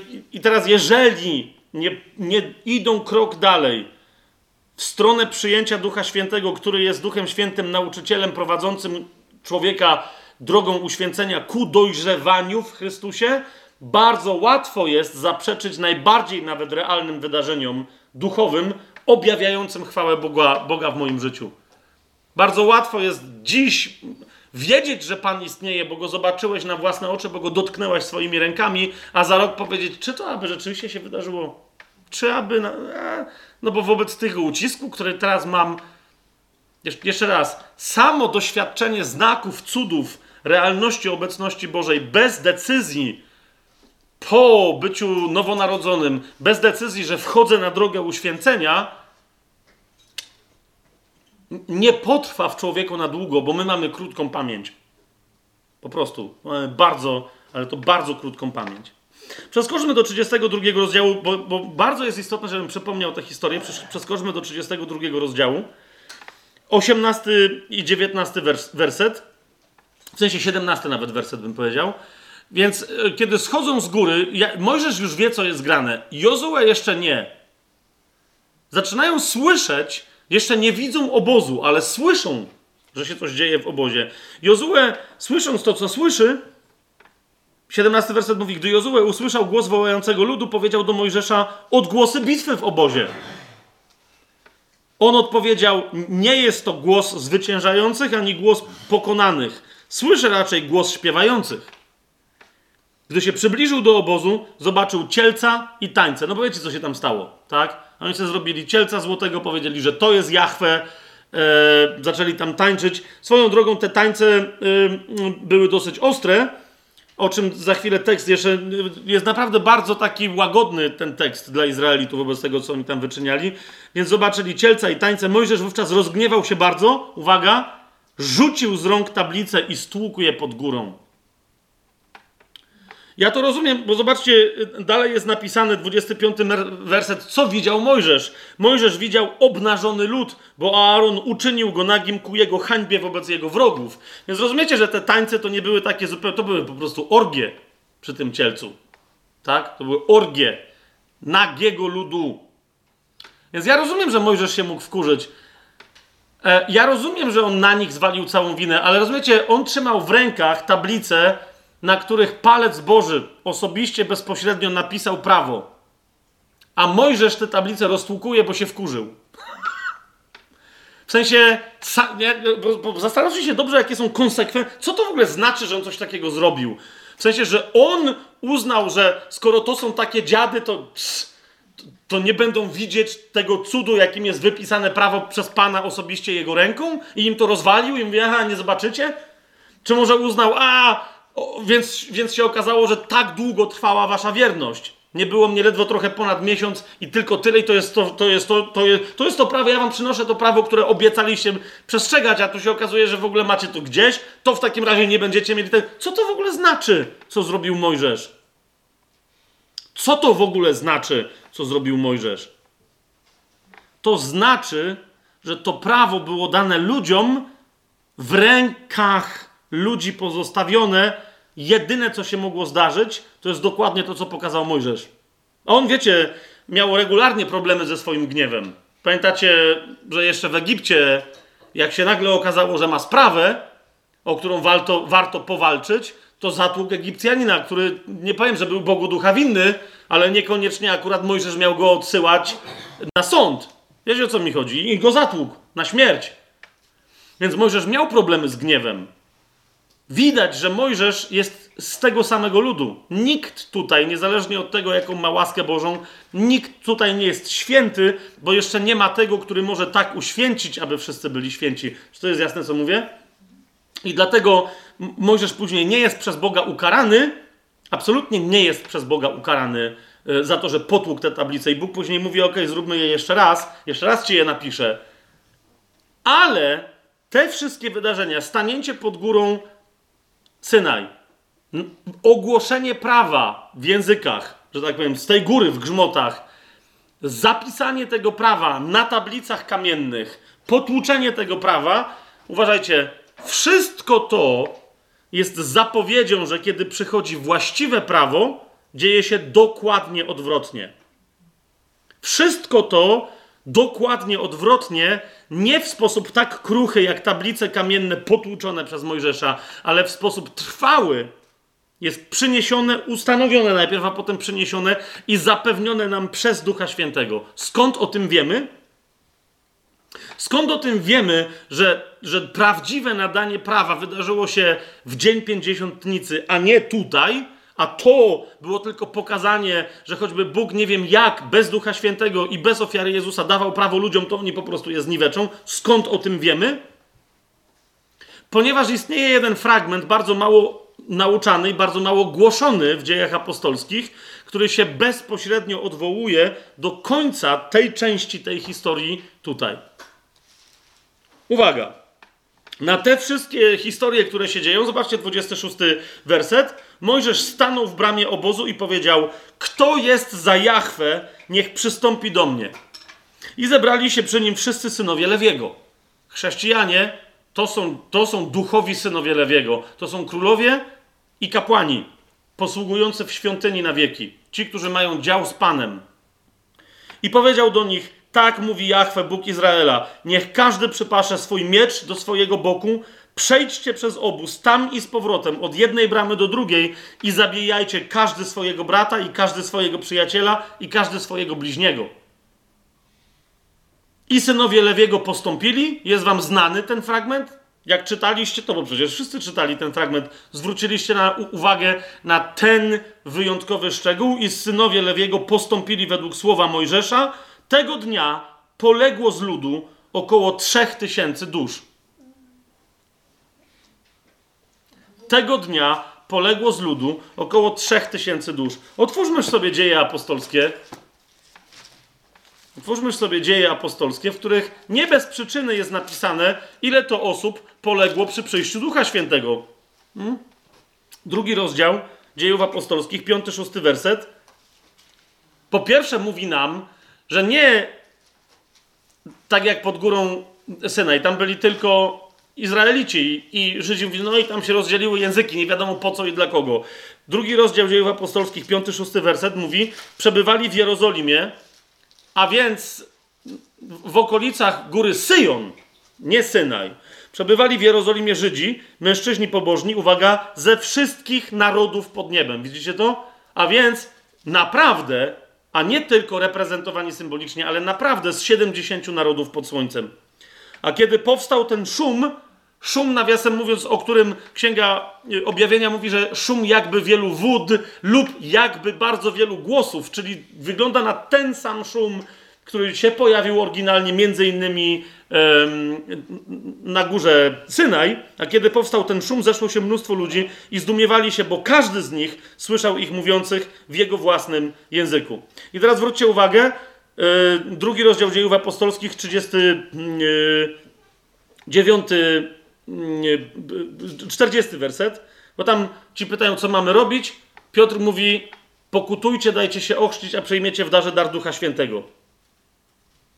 W wielu też innych słowach dawał świadectwo i napominał ich, ratujcie się od tego przewrotnego pokolenia. Jak sobie sprawdzicie te, tego typu wezwanie w Starym Testamencie, zauważycie, że prawie wszędzie jest w taki czy inny sposób w Starym Testamencie mowa wprost, albo nie wprost, ale o Duchu Świętym. Ratujcie się z tego przewrotnego pokolenia. Ci więc, którzy chętnie przyjęli Jego słowa, zostali ochrzczeni. I tak przyłączyło się tego dnia około trzech tysięcy dusz. Jak y, kiedyś powiedziałem, że w wyniku nadania prawa mojżeszowego zginęło 3000 osób i w wyniku nadania prawa świętego i ostatecznego również zginęło 3000 osób, to niektórzy mnie poprawiali, że nie, zostało ochrzczonych. Ale przyjrzyjcie się temu, jakie znaczenie ma chrzest. Chrzest jest decyzją na śmierć. Zaraz, rozumiecie, dzisiaj nie mamy na to czasu, nawet tego nie będę rozwijał, ale pozwól się uderzyć temu słowu. Pozwól się uderzyć temu słowu. Rozumiesz, dzień pięćdziesiątnicy to jest dzień nadania prawa. Zaraz sobie więcej nieco o tym powiemy. Tylko tyle, że to jest wreszcie dzień nadania tego duchowego prawa, które powoduje, że ciało umiera, ale człowiek duchowy będzie żyć na wieki. Chrzest jest decyzją schowania się, bezpiecznego schowania się w śmierci Chrystusa. Tam słudzy Jahwe, myśląc po prostu, nie wiedząc co się dzieje w całym tym zagmatwaniu pod Mojżeszem, bo przez Mojżesza przyszło prawo, jak nam mówi Ewangelia Jana, przez Jezusa łaska i prawda. Kiedy przyszło prawo mojżeszowe, jedyne co mogło robić, to mordować i w ten sposób strachem przywoływać ludzi do posłuszeństwa. Tylko po to, żeby im pokazać, że nie mają w sobie żadnej siły oraz że to prawo, które zostało nadane, nie daje im też żadnej siły z zewnątrz do przestrzegania go. Jedyne co robi, no właśnie całe nauczanie Pawła, choćby w liście do Rzymian o tym mówi, jedyne co prawo robi, to pokazuje Twoją słabość i Twój grzech, prawo mojżeszowe. Pokazuje Ci, że chociaż nie wiem jak się zaprzesz i postanowisz, to i tak w końcu, tak jak Mojżesz, te drogocenne tablice prawa Bożego potłuczesz, dopóki są w Twoich rękach. Kiedy ja składam, Bóg powiedział przez Izraela, kiedy ja składam moje prawo w waszych rękach, to jest dramat. Zawsze je wypuścicie, zawsze te ręce wam osłabną. Chrześcijanin, który o tym zapomina, o tym jest cały list do Galacjan. Chrześcijanin, który o tym zapomina, że może być silny tylko i wyłącznie siłą i mocą, nie moc, nie siła, ale Duch Święty, tak? Księga Zachariasza. Nie moc, nie siła, ale Duch Święty. Jeżeli chrześcijanin o tym zapomina i mówi, ok, to teraz już mam swoją siłę, tak szybko jak to robi, tak szybko zaczyna brnąć w grzechy. Często tego nie odkrywa, bo myśli, że jest to jakiś rodzaj pobożnego postępowania, który jest usprawiedliwiony. Wtedy do takich ludzi Paweł pisze głupi Galacjanie. Czy zaczynając duchem myślicie, że możecie skończyć ciałem? Że duch działa tylko na początku, a potem możecie wrócić do bezpieczeństwa wypełniania zewnętrznych przepisów, bo sobie ustalicie, że są takie czy inne przykazania i kto je wypełnia, ten jest dobry? Kto będzie miał taką czy inną dietę, takie czy inne dni, takie czy inne zachowania, kto jak się modli, to podnosi ręce, albo kto jak się modli, to sobie przykrywa głowę, albo właśnie odkrywa, albo leży, albo klęczy, albo te wszystkie rzeczy. Myślicie, że jak się zbierzecie w 50 osób, albo w 50 tysięcy osób i się zgodzicie, to, to że to już jest ok, i będziecie to robić, to wtedy to, to jest wasza religia na powrót. Znajdujecie, bezpie, znajdujecie bezpieczeństwo w przepisach, które sami sobie wymyśliliście.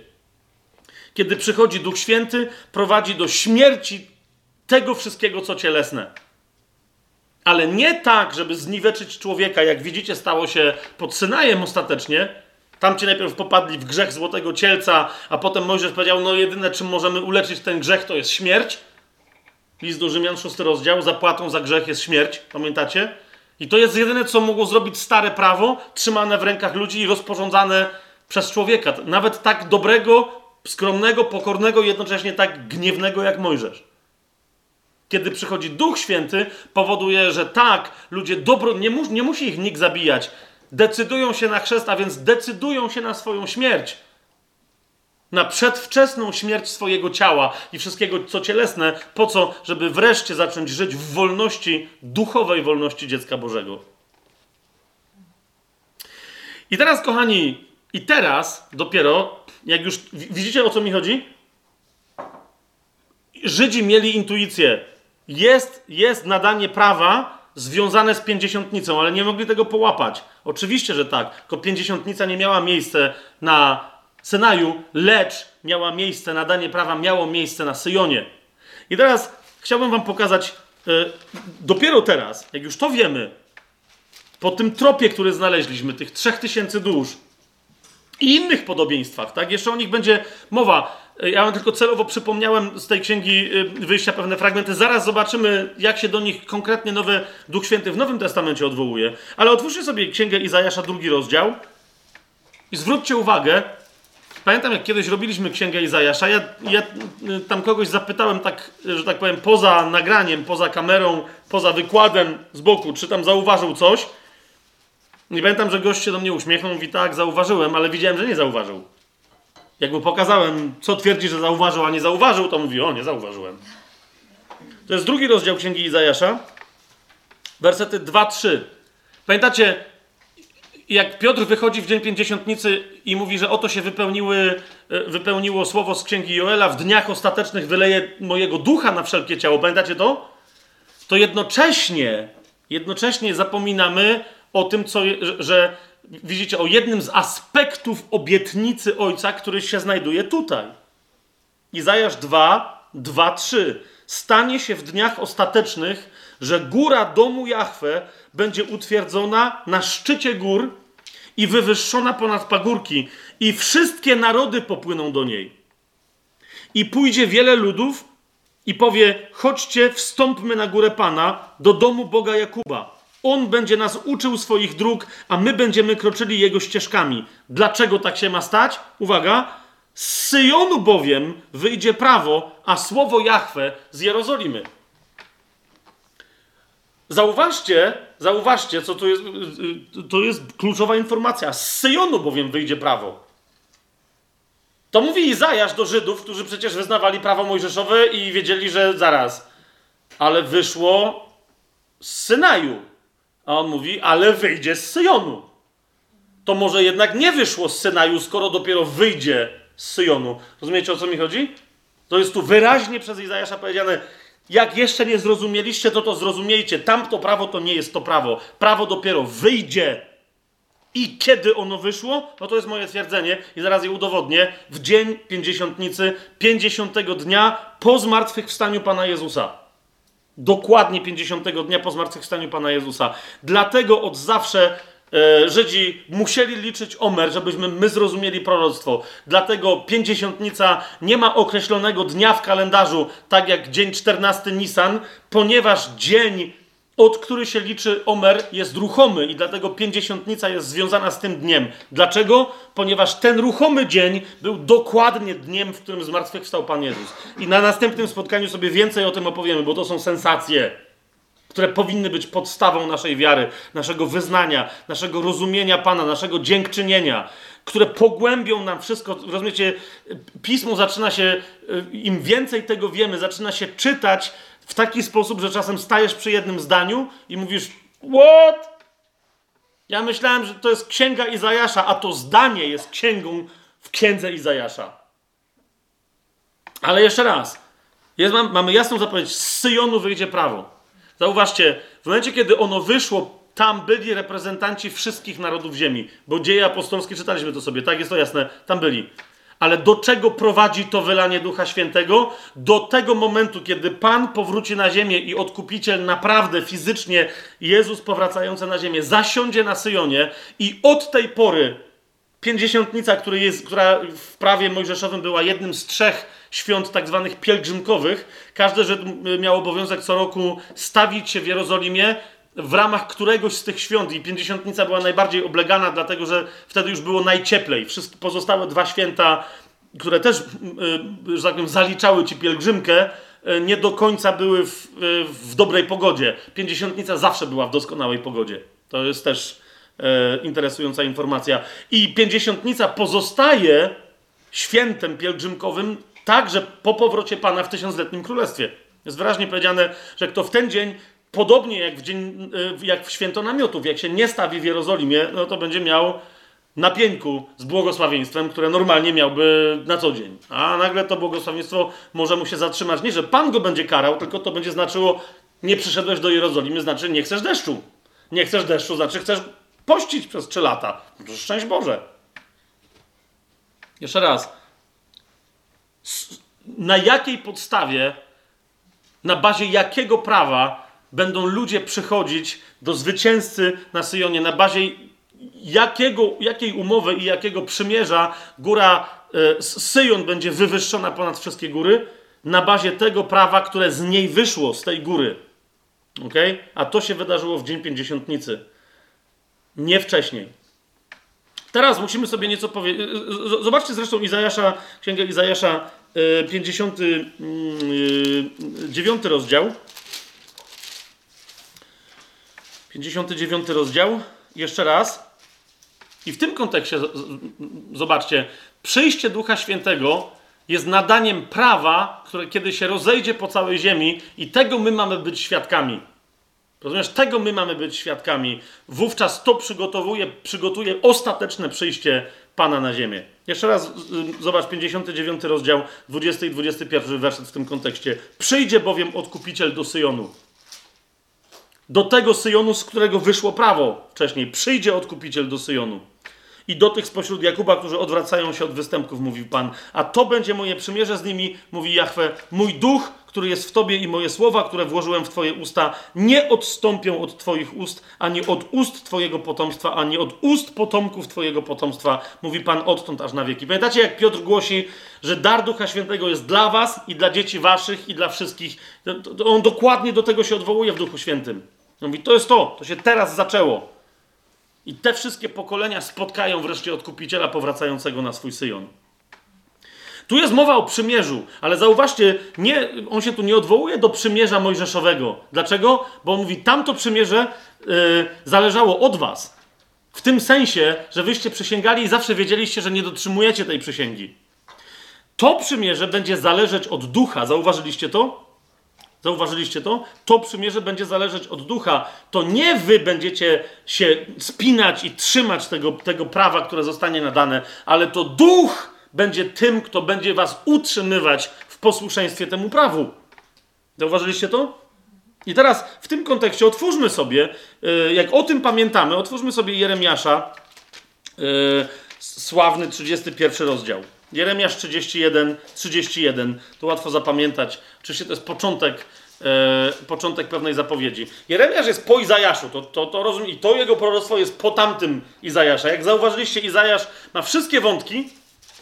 Swoją drogą, e, e, os, ostatnio e, miałem bardzo interesujący taki dialog, mniejsza o to teraz z kim, bo to może się uda jakoś jeszcze w coś innego przełożyć, ale, ale e, e, takie pytanie dostałem, czy, czy, czy, jak naprawdę człowiek dobrze znający Biblię, ale to może być niespodzianka na, nie na dzisiaj jeszcze, ale wtedy mówi mi, czy zauważyłeś, że, księg, że księga Izajasza ma dokładnie tyle rozdziałów, ile cała nasza Biblia? Mówię, zauważyłem. Mówi, a zauważyłeś, że ksiąg na temat prawa jest w księdze, rozdziałów na temat prawa jest w księdze Izajasza dokładnie tyle, ile ksiąg Starego Testamentu, a rozdziałów na temat łaski jest u Izajasza dokładnie tyle, ile ksiąg Nowego Testamentu? Mówię, tego nie zauważyłem. Jeszcze raz powtórzę, ksiąg na temat prawa u Izajasza, yy, rozdziałów na temat prawa u Izajasza jest tyle, ile ksiąg Starego Testamentu, a rozdziałów na temat łaski, przyszłej łaski, wiecznej łaski u Izajasza jest dokładnie tyle, ile ksiąg Nowego Testamentu. Oczywiście, okej, okay, ale, ale to się da sprawdzić, to jest bardzo interesujące. To jest bardzo interesujące. Zrozumiecie, cała księga Izajasza w, w kontekście Ducha Świętego jako prawodawcy, jako gwaranta łaski, udzielającego i utrzymującego, ma, no jak widzicie, tyle dokładnie, przynajmniej tyle rozdziałów na, na, na temat łaski, ducha i tego, o czym dzisiaj mówimy, ile ksiąg ma cały Nowy Testament. Więc my tylko tu sięgnęliśmy do paru wątków i nie możemy ich więcej poruszyć, ale jakby ktoś chciał osobistego studium, to rzucam takie wyzwanie. Ile jest ksiąg w Nowym Testamencie? To tyle jest dokładnie rozdziałów u Izajasza, które mówią stricte o łasce i o Duchu Świętym jako gwarancie tej łaski i gwarancie trwania tej łaski. Hmm? Niemniej, dobra, przeskakujemy do, do Jeremiasza, 31 rozdział, 31 werset i następne Jeremiasz zapowiada, oto nadchodzą dni, mówi Jahwe, kiedy zawrę z domem Izraela i z domem Judy nowe przymierze. Jeremiasz, tu Duch Święty przez niego mówi dokładnie to, co zaczął mówić przez Izajasza. Nie takie przymierze, jakie zawarłem z ich ojcami w dniu, kiedy ująłem ich za rękę, aby ich wyprowadzić z ziemi Egiptu. Widzicie, jak to, to jest wyraźnie wprost powiedziane. Nie takie przymierze. Dlaczego wam na to zwracam uwagę? Ponieważ mnóstwo ludzi w momencie, kiedy staje się chrześcijanami, chce wyznawać nowe przymierze, jakby to było poprawione przymierze, ale zasadniczo takie jak to spod Synaju. Rozumiecie o co mi chodzi? Że to jest no zasadniczo to, czyli nawrócili się, są zbawieni, ok. A teraz co? A teraz jakieś prawo. Dej mi prawo. Dej mi, pra- dej mi tak jak Mojżesz prawo. Nie dajesz prawa, to idę do, jakiegoś, do jakiejś denominacji, która mi da jasne prawo. Kiedy jestem bezpieczny? Bezpieczny jesteś, kiedy pełnisz wolę Bożą, kiedy jesteś w rękach, w żywej relacji przez Ducha Świętego, poprzez Jezusa z Ojcem. Wtedy jesteś bezpieczny. Nie! Daj mi prawo. Wtedy jestem bezpieczny. Co mam robić? Jeżeli dzisiaj zrobiłem to, to, to i to, to już mogę mieć spokój? Mogę się zająć oglądaniem głupot na YouTubie? To już mogę w takim razie przestać być miły dla mojej żony i nie udawać, że kocham pastora? Czy jeszcze coś mam wypełnić? Daj mi prawo. Zrozumcie, to jest podstawowa informacja. Zawrę z domem Izraela i z domem Judy nowe przymierze. A to nowe przymierze, dlaczego będzie nowe? 32 werset. Bo to będzie nie takie przymierze, jakie zawarłem z ich ojcami w dniu, kiedy ująłem ich za rękę, aby ich wyprowadzić z ziemi, e, z ziemi Egiptu. Za każdym razem, kiedy w Twoim życiu chrześcijańskim, duchowym pojawia się coś na kształt prawa mojżeszowego, poczucia winy, potępienia i innych tych wszystkich koncepcji, które się wiążą z przeżywaniem prawa mojżeszowego, prawa religijnego, to znaczy, że właśnie wychodzisz z nowego prawa, z nowego przymierza, które bazuje na zupełnie innym rodzaju prawa. Oni bowiem złamali moje przymierze, mówi Pan, mówi, no, no, no, no właśnie, to jest jeden z, z, aspektów, a to nowe przymierze, które ja dam, nie będzie do złamania przez was. Oni bowiem złamali moje przymierze, chociaż ja byłem ich mężem, mówi Jahwe. Ale takie będzie przymierze, które zawrę z domem Izraela po tych dniach, mówi Jahwe. I teraz uważajcie. Włożę moje prawo w ich wnętrza i wypiszę je na ich sercach i będę ich Bogiem, a oni będą moim ludem. Pan mówi, to nowe przymierze będzie oparte również na prawie. Tyle tylko, że to prawo nie będzie zawarte na żadnych zewnętrznych, zapisane na żadnych zewnętrznych kodeksach. To będzie prawo, które przyjdzie z doświadczeniem pisania na Twoim sercu. Jeżeli masz jakiegoś nowonarodzonego, nowonarodzoną osobę, która nie rozumie, co to znaczy, że po nowonarodzeniu jest łatwiej nie grzeszyć niż grzeszyć, lub też, że jest trudniej grzeszyć niż nie grzeszyć, to znaczy, że to jest jeden z najmocniejszych się znaków, że, że może ta osoba jednak nie jest nowonarodzona. Wiecie o co mi chodzi? To nie znaczy, że ktoś nie, nie może mieć później trudności. Chodzi mi tylko o to, że albo że nie zgrzeszy. To nie o to mi idzie, ale, ale w momencie, kiedy, kiedy się coś takiego wydarzy, to on wie, że to się wydarzyło, a nie ma jego, a, a, nie zaczyna tego racjonalizować, nie zaczyna tego owijać w bawełnę. Wiecie o co mi idzie? Przeżywa to do głębi. Dlaczego? Bo w głębi ma za, to prawo, które mu mówi, że to, co zrobił, jest nie tak, jest w nim, a nie jest poza nim i nie musi być przykładane jak linijka, czy się centymetry zgadzają prawne. I nikt nie będzie już uczył swojego bliźniego, ani nikt swojego brata, mówiąc poznaj Jachwę, bo wszyscy będą mnie znali.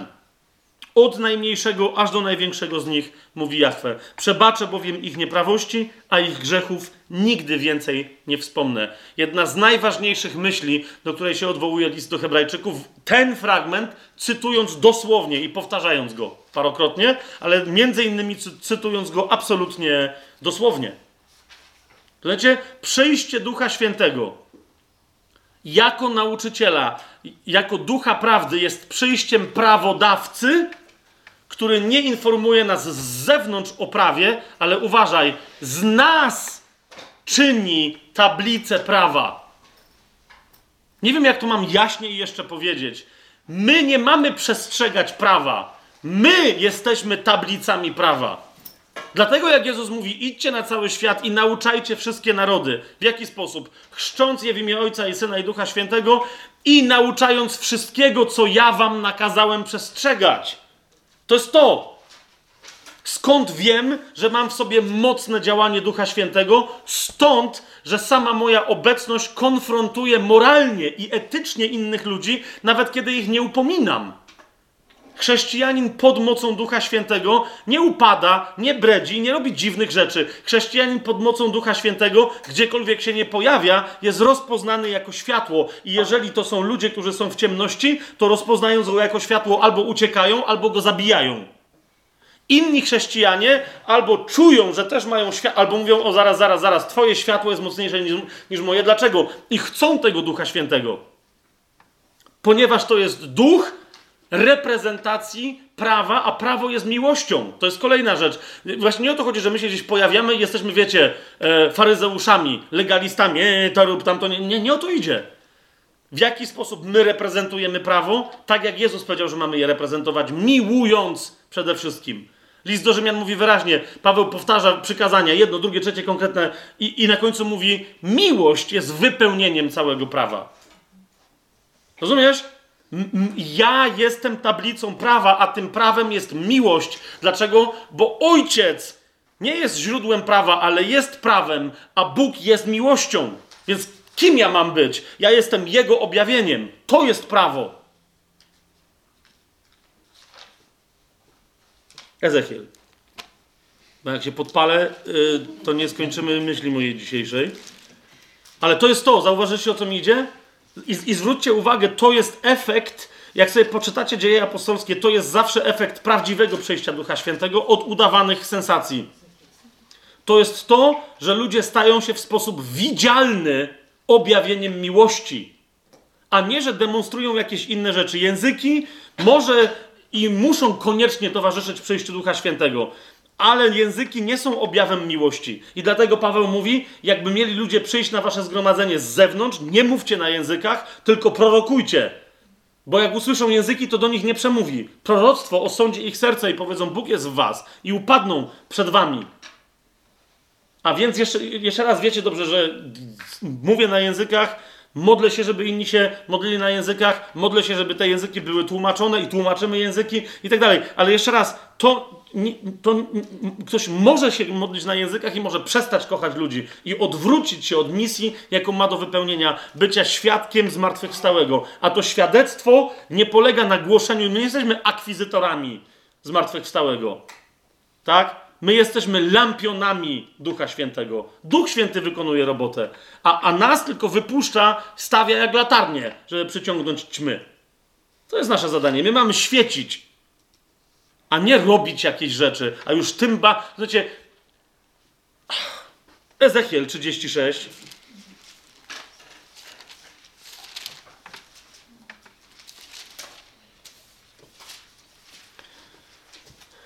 W 36 rozdziale mamy następujące proroctwo, kontynuujące myśl Izajasza, kontynuujące, znaczy Ducha Świętego, wypowiedziane przez Izajasza i przez Jeremiasza. Od 22 wersetu dalej. Dlatego mów do domu Izraela, tak mówi Pan Jahwe. Nie dla was ja to czynię, domu Izraela, ale przez wzgląd na moje święte imię, które zbezcześciliście wśród narodów, do których przybyliście. I uświęcę moje wielkie imię, które było zbezczeszczone wśród narodów, które wy zbezcześciliście pośród nich. I poznają narody. Zwróćcie uwagę, że w myśli Bożej nieustannie powracają narody. Nawet jeżeli jest jeden naród wybrany, o czym jeszcze za chwilę, to nadal Bogu zależy na wszystkich narodach. I poznają narody, że ja jestem Jahwe, mówi Pan Bóg, gdy będę uświęcony w was na ich oczach. To jest proroctwo na temat Nowego Przymierza. Jak Bóg ma być uświęcony w nas na ich oczach? To jest dokładnie to, o czym ja mówię teraz. To może zrobić tylko Duch Święty, a ty poznasz po tym, że do ciebie przyszedł Duch Święty, kiedy inni zaczną widzieć Jego obecność w tobie. Nawet kiedy nie będziesz mówić, sprzedawać ideologii, doktryny, czegokolwiek na ten temat. Po prostu pojawisz się gdzieś i ten ktoś powie: świecisz. Zabiorę was bowiem spośród narodów, zgromadzę was ze wszystkich ziem i przyprowadzę was do waszej ziemi. Widzicie, jak tam byli kropieni krwią, tak teraz woda oznacza tamtą krew. Dlaczego? Bo krew została la, raz przelana przez Chrystusa. I, I to Ezechiel zapowiada, mówiąc: I pokropię was wodą czystą i będziecie czyści. I kropka. I nie ma tam dalej. Chyba, że ktoś się ubrudzi, to będzie musiał jeszcze raz dostać ze szlaufa. Nie! i pokropię was wodą czystą i będziecie czyści. Kropka. Oczyszczę was ze wszystkich waszych nieczystości i ze wszystkich waszych bożków. Powiedzcie mi, jaki jest wyjątek od słowa wszystkie, wszystko, wszystkich? Jaki jest wyjątek? Nie ma żadnego. Dlaczego my cały czas gdzieś w kółko jeszcze mamy te przestrzenie w chrześcijaństwie, gdzie ludzie mają wątpliwość, czy przyjście do Chrystusa i, i bycie pokropionymi Jego krwią oznacza zmazanie wszystkich grzechów? Dlaczego niektórzy wciąż uważają, że tylko tych, które do tej pory im się udało wykonać, a nie tych, które jeszcze wykonają? Zanim byliśmy na świecie, Pan przez proroka Ezechiela powiedział wyraźnie: Wszystkich przez proroka Jeremiasza powiedział: Żadnych waszych grzechów nigdy więcej nie wspomnę. Wejście w to przymierze oznacza ogarnięcie wszystkiego, co się tyczy sfery prze, y, y, grzechów. Czy to z mojej aktualnej przeszłości, czy aktualnej przyszłości, to nie ma nic do rzeczy. Wszystkie znaczy wszystkie.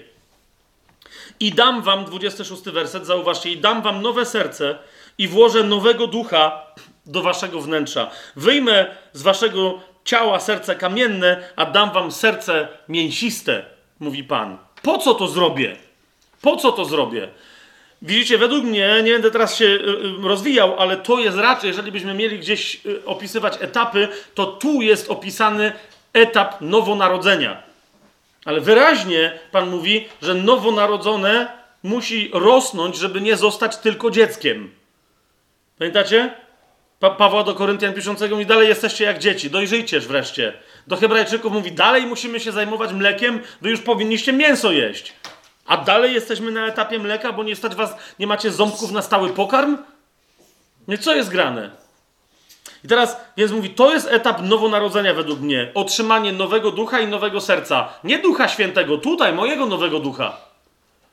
Ale kolejny etap, bardzo istotny, to jest przyjęcie Ducha Świętego, bo ten, kto ma nowe serce i nowego ducha, wtedy ma przestrzeń, żeby co? Żeby się wypełni, wypełnił drugi krok tej zapowiedzi cudownej. 27 werset. Otóż Pan mówi: Włożę mojego ducha do waszego wnętrza. Włożę mojego ducha do Twojego ducha. To jest dopiero spółka, która nie ma sobie równych. Włożę mojego ducha do Waszego wnętrza i sprawię, że będziecie chodzić według moich ustaw i będziecie przestrzegać moich sądów i wykonywać je. Jeszcze raz. Włożę mojego ducha, widzicie to? Do Waszego wnętrza i sprawię w ten sposób, że będziecie chodzić według moich ustaw i będziecie przestrzegać moich sądów i wykonywać je. Nie sami z siebie, ale jeszcze raz, mocą mojego świętego ducha. Otwórzmy sobie księgę wyjścia, żeby, żeby, bo, bo jak to pamiętamy, tak, mocą ducha, który pisze, który ze mnie czyni tablicę wróćmy do Księgi Wyjścia, bo teraz zanim przeczytamy jeden kluczowy werset, nie, nie kluczowy werset, jeden kluczowy fragment, potrzebujemy do czegoś się odnieść. To jest Księga Wyjścia, 33 rozdział. Siódmy werset i, i dalej. E, po tych wszystkich historiach Pan powiedział, że dobra, dam ci nowe tablice, ja ci je napiszę, ale zauważcie, że Bóg dał do zrozumienia ludowi, w jakim znajduje się stanie to jest 33 rozdział. Tam Bóg wyraźnie powiedział: Pozdejmujcie wszystkie swoje ozdoby i dopóki jesteście na pustyni, nie zakładajcie ich, bo nie macie się czym cieszyć. Z tych waszych ozdób złotych zrobiliście sobie cielca. Kto sobie założy ozdobę, to dostanie ode mnie w łeb. Tak wam mówię. Lubię Mojżesza, ale was już nie lubię. I dosłownie to było, to, było, oni się dowiedzieli, że Bóg jest z nich niezadowolony. Dlaczego ma prawo Bóg być z nas niezadowolony także dzisiaj? Bo nas kocha. Okay? A oni dodatkowo jeszcze byli obrazem dla nas. W wielu miejscach Nowy Testament mówi wyraźnie, że oni to, co poprzeżywali, przeżywali dla nas, dla lepszej nauki, dla, dla poważniejszej lekcji. Więc po tym wszystkim oni wiedzieli, że nie mają zbytniej przychylności u Pana. Musieli chodzić raczej żałobnie na tej pustyni. A Mojżesz, zobaczcie siódmy werset i dalej, a Mojżesz wziął namiot i rozbił go poza obozem, z dala od obozu i nazwał go namiotem zgromadzenia Swoją drogą, zwróćcie uwagę, że i Jezus został zabity, jak mówi słowo, poza obozem. Dokładnie poza murami miasta, poza Jerusalem. I dlatego list do Hebrajczyków mówi: Jak chcesz naśladować Jezusa, a jakie masz inne wyjście, to wyjdź poza obóz, aby dzielić jego pohańbienie. To jest 13 rozdział listu do Hebrajczyków, ale już nie będziemy teraz w tamtą stronę szli. Nie widzicie, Mojżesz tu on nie wie czemu, robi w ten sposób. I teraz zgromadzenie, zwróćcie uwagę, jaki to jest paradoks. Zgromadzenie jest nie tam, gdzie jest zgromadzenie czyli gdzie jest cały Izrael, ale zgromadzenie jest tam, gdzie jest Mojżesz z Bogiem. To jest namiot zgromadzenia. Hmm? Każdy, kto chciał się poradzić Jachwę, wychodził do namiotu zgromadzenia, który był poza obozem, czyli poza zgromadzeniem. No jest to, my też również, rozumiecie, dla Mojżesza to było jasne, my mamy znacznie większą łaskę niż Mojżesz. Czemu my nieustannie szukamy tłumku, żeby się w niego wtopić i żeby mieć poczucie fałszywe bezpieczeństwa, że robimy dobrze, bo robimy to samo co inni? Przyłącz się do Jezusa, który zawsze jest poza zgromadzeniem. Jeżeli to ma nawet oznaczać dla ciebie pohańbienie, to dobrze, jeszcze raz mówię, znajdźcie sobie ten, ten fragment, bo nie mamy teraz na to czasu. 13 rozdział listu do Hebrajczyków. Wyjdź do Jezusa poza obóz, poza miasto. A gdy Mojżesz wychodził, to jest ósmy werset, do namiotu, cały lud powstawał i każdy stał u wejścia do swojego namiotu i patrzył na Mojżesza, aż wszedł do namiotu. Rozumiecie? Oni się bali góry. Teraz bali się, że Pan gdzieś wstępuje i gada z Mojżeszem. W związku z tym zaczęli się bać Mojżesza. Jak on szedł do namiotu, wszyscy wychodzili i patrzyli, jak tam idzie. To był wyraz niemego szacunku, ale nie tylko. Gdy Mojżesz wchodził do namiotu, słup obłoku zstępował i stawał u wejścia do namiotu i Pan rozmawiał z Mojżeszem, a cały lud widział słup obłoku stojący u wejścia do namiotu. Jeszcze raz, rozumiecie, co to znaczy, że słup obłoku stał u wejścia do namiotu? To znaczy, że oddzielał ich od Mojżesza. Mojżesz był z jednej strony i był z Panem, a oni byli zawsze z drugiej. Rozumiecie? Bo to był dokładnie taki słup, jak ich oddzielał, kiedy jeszcze się nie postawili Panu od tych, którzy byli ich wrogami, czyli oddzielał ich od faraona egipskiego, który ich ścigał. Tak? Teraz oni za każdym razem wiedzieli, że cokolwiek chcą, muszą się zwrócić do Mojżesza. Dlaczego? Ponieważ obłok oddziela Mojżesza, Bóg wybrał jego na pośrednika, nie chce gadać z nimi. Tylko my jesteśmy dzisiaj z drugiej strony, rozumiesz?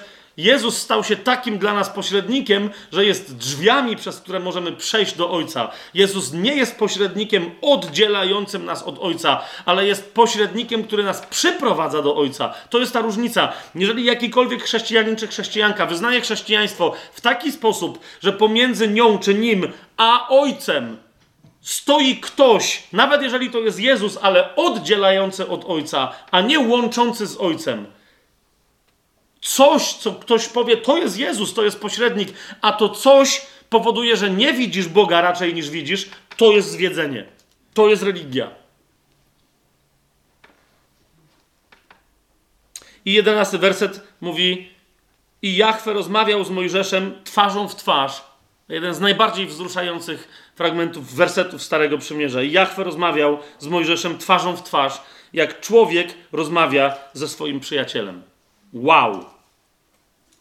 To może być wow i musi być wow, bo ilu masz takich ludzi w Starym Przymierzu?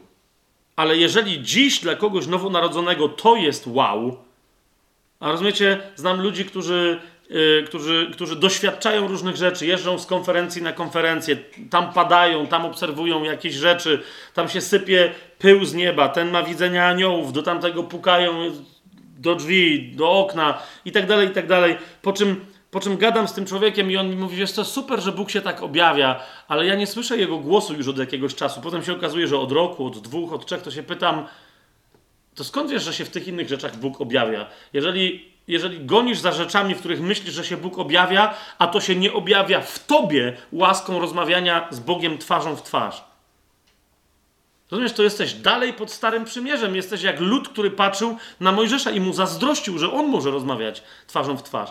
To dzisiejsze, wiecie, w wielu kościołach postpentekostalnych yy, ściganie proroków, żeby mi coś powiedzieli. Rozumiesz, ja mogę co najwyżej, kiedy mnie prorok doścignie i mi mówi coś, że Bóg mi mówi, ja mogę go sprawdzić, bo ja wiem, co mi Bóg mówi. I mogę mu powiedzieć, czy jest prawdziwym prorokiem, czy nie, i go utwierdzić w jego posłannictwie, ale nie muszę ścigać proroków, żeby mi coś mówili, bo mam ducha, który mówi do mnie bezpośrednio. Rozumiecie o co mi chodzi? Więc zobaczcie, co, co, co tu jest y, napisane. I teraz popatrzcie w 34 y, rozdziale. Y, Bóg obiecuje Mojżeszowi, że mu da te tablice Pan powiedział do Mojżesza: Wyciosaj sobie dwie kamienne tablice podobne do pierwszych, a napiszę na tych tablicach słowa, które były na pierwszych tablicach, które stłukłeś. I teraz do 20, już nie będziemy tu więcej czytać, do 28 wersetu sobie przeskoczmy tego 34 rozdziału. Bo znowu tam Mojżesz siedział 40 dni i nocy i, i, i rozmawiali z Panem na górze i ten mu pisał te tablice. I potem mamy powiedziane następującą rzecz. I był tam z Jachwę Mojżesz 40 dni i 40 nocy, nie jadł chleba i nie pił wody. I Pan napisał na tablicach słowa przymierza 10 przykazań. I gdy Mojżesz zstępował z góry Synaj, a miał Mojżesz w ręku dwie tablice świadectwa, gdy zstępował z góry, Mojżesz nie wiedział, że skóra jego twarzy lśniła, bo Pan, lub też gdy Pan z nim rozmawiał. Aaron i wszyscy synowie Izraela zobaczyli Mojżesza, a oto skóra jego twarzy lśniła i bali się zbliżyć do niego. No bo to już było za dużo, rozumiecie? Nie dość, że wcześniej się go bali, to teraz szedł, to się cały świecił. Ale Mojżesz zawołał ich i Aaron oraz wszyscy przywódcy zgromadzenia Izraela wrócili do niego i Mojżesz, Mojżesz rozmawiał z nimi. Potem podeszli też wszyscy synowie Izraela i wrócili yy, wszyscy synowie Izraela, a on przekazał im wszystko, o czym Pan z nim rozmawiał na górze Synaj. A póki Mojżesz z nimi rozmawiał, miał na swojej twarzy zasłonę, bo nie chciał ich straszyć. Więc się zasłaniał i tam spod tej zasłony ten blask bił, ale oni, rozumiecie, ich to nie raziło po oczach. Ale gdy Mojżesz wchodził przed oblicze Pana, aby z nim rozmawiać, zdejmował zasłonę, póki znowu nie wyszedł. Gdy zaś wyszedł, mówił do synów Izraela, co mu, za, co mu nakazano, i synowie Izraela patrzyli na twarz Mojżesza, a skóra twarzy Mojżesza jaśniała. I Mojżesz znowu kładł zasłonę na swoją twarz, póki nie wszedł z powrotem, by rozmawiać z Bogiem. Rozumiecie? W kółko. Prawdziwą twarz jego widział od tej pory tylko Bóg. A, a ponieważ on widział też Boga, to to go tak naświetlało, że na to nie mogli patrzeć Izraelici. Dlaczego o tym mówię? Ponieważ inne światło na temat tego światło, światła, w związku z przyjściem Ducha Świętego rzuca nam ten fragment przez drugi list do Koryntian na to, czego powinniśmy szukać w sobie, pytając, czy mam chrzest Duchem Świętym. Drugi do Koryntian, trze- yy, drugi list do Koryntian, trzeci rozdział. Zwróćcie uwagę, mówi nam następującą rzecz. Jeszcze raz, dlatego, że, że pięćdziesiątnica jest dniem przyjścia prawodawcy, który powoduje, że my nie mamy przestrzegać prawa, ale powoduje, że my stajemy się wyznacznikami prawa. Jesteśmy obwieszczeniem prawa, tego jesteśmy świadkami wobec innych. A to obwieszczenie zawsze ma charakter miłości. O tym Paweł przypomina Koryntianom w swoim drugim liście. Zobaczcie, to jest trzeci rozdział, trzeci, drugi do Koryntian, trzeci rozdział, trzeci werset i dalej. Paweł tam mówi, że y, naszym listem wy jesteście napisanym w naszych sercach i potem mówi, trzeci werset, przecież gdyż, ponieważ wiadomo, że jesteście listem Chrystusowym sporządzonym przez nasze posługiwanie. Napisanym nie atramentem, ale duchem Boga żywego i nie na tablicach kamiennych, lecz na żywych tablicach serc. I to jest to. Skutek ostateczny nasz, owoc naszego działania polega na czym? Że doprowadziliśmy was aż do miejsca, gdy Duch Święty wypisał, lub też Ojciec Duchem Świętym wypisał swoje prawo na waszych sercach. A taką ufność mamy przez Chrystusa ku Bogu. Nie żebyśmy sami z siebie byli w stanie pomyśleć coś jakby z samych siebie, lecz nasza możność, widzicie to, jest z Boga. Od tej pory nasza, tak jak i wasza, nasza możność jest z Boga. Przestańcie opierać się na swoich wysiłkach. On też uczynił nas zdolnymi sługami Nowego Testamentu. I teraz zwróćcie uwagę, kim jest zdolny sługa Nowego Testamentu. On też uczynił nas zdolnymi sługami Nowego Testamentu. Nie litery, ale ducha. Litera bowiem zabija, duch zaś ożywia. Po tym widzisz, czy jesteś zdolnym sługą, a po drugie, czy jesteś sługą Nowego Testamentu. Czy ludzie wobec Twojej posługi, Twojej doktryny, Twojego nauczania, Twojego świadectwa ożywają ku miłości i przynoszą owoce dla naszego Pana, czy też się zamykają i martwieją w przestrzeganiu jakiejś litery prawa? I on mówi, jeżeli posługiwanie śmierci, siódmy werset i dalej, jeżeli posługiwanie śmierci, bo to, to dla Pawła jest przestrzeganie prawa mojżeszowego, nie w ogóle prawa. Jeżeli posługiwanie śmierci wyryte literami na kamieniach było pełne chwały, tak, że synowie Izraela nie mogli wpatrywać się w oblicze Mojżesza z powodu chwały jego oblicza, która miała przeminąć, to o ileż bardziej pełne chwały nie miałoby być posługiwanie ducha. To mówi, jeżeli się chcecie jakoś porównywać z Mojżeszem, to sprawdźcie, o ile więcej macie a nie czy macie to samo co Mojżesz, bo on, chwała płynąca, światło płynące z jego oblicza wciąż należały do, do, do służby śmierci. A mówi, a my służymy życiu przez ducha. Czy nie powinniśmy świecić mocniej? Czy nie powinniśmy żyć znacznie bardziej? Jeśli bowiem, dziewiąty werset jeszcze dalej czytam, jeśli bowiem posługiwanie potępienia było pełne chwały, o ileż bardziej obfituje w chwałę posługiwanie sprawiedliwości, czyli nasze w duchu. To bowiem, co miało chwałę, nie miało chwały w porównaniu z tą przewyższającą chwałą. Słyszycie to? Nasza chwała i nasze świat, nie nasza, ale ta, którą w nas wlewa Duch Święty przez moc imienia Jezus na chwałę Ojca, jest taką chwałą, że tamta chwała ujawniająca się w Mojżeszu jest żadną chwałą. Wy jesteście źródłami światła w świecie, list do Filipian. Jedenasty werset dalej czytamy. Jeżeli zaś to, co przemija, było pełne chwały, tym bardziej pełne chwały jest to, co trwa. Mając więc taką nadzieję, z całą otwartością mówimy, a nie jak Mojżesz, który kładł sobie na twarz zasłonę, aby synowie Izraela nie wpatrywali się w koniec tego, co miało przeminąć. On mówi, otwarcie mówimy. Ich umysły zostały zaślepione, aż do dziś bowiem przy czytaniu Starego Testamentu ta sama zasłona pozostaje nieodsłonięta, bo ona jest usuwana w Chrystusie. Ja bym to powiedział tylko w Chrystusie, bo, bo taka jest myśl. I aż do dziś, gdy Mojżesz jest czytany, zasłona leży na ich sercu. Widzicie o co mi chodzi? Oparcie się na prawie zewnętrznym, w momencie, kiedy jesteś nowonarodzoną osobą ochrzczoną w Duchu Świętym, ona ci nie wyrwie Ducha Świętego z serca, ale powoduje, że na powrót przysło... wieszasz zasłonę tam, gdzie ona dawno została podarta. I to jest to, co Paweł mówi do, do Galacjan. Pamiętacie? Głupi Galacjanie, no co wy robicie? Próbujecie z powrotem wieszać zasłonę tam, gdzie Bóg ją przedarł, a była znacznie lepsza ta przy pomocy prawa mojżeszowego zawieszana niż to, co wy próbujecie dzisiaj utkać? I aż do dziś 15 werset i dalej. Gdy Mojżesz jest czytany, zasłona leży na ich sercu. Gdy jednak nawrócą się do Pana, zasłona zostanie zdjęta. Pan zaś jest owym duchem, a gdzie jest duch Pana, tam i wolność.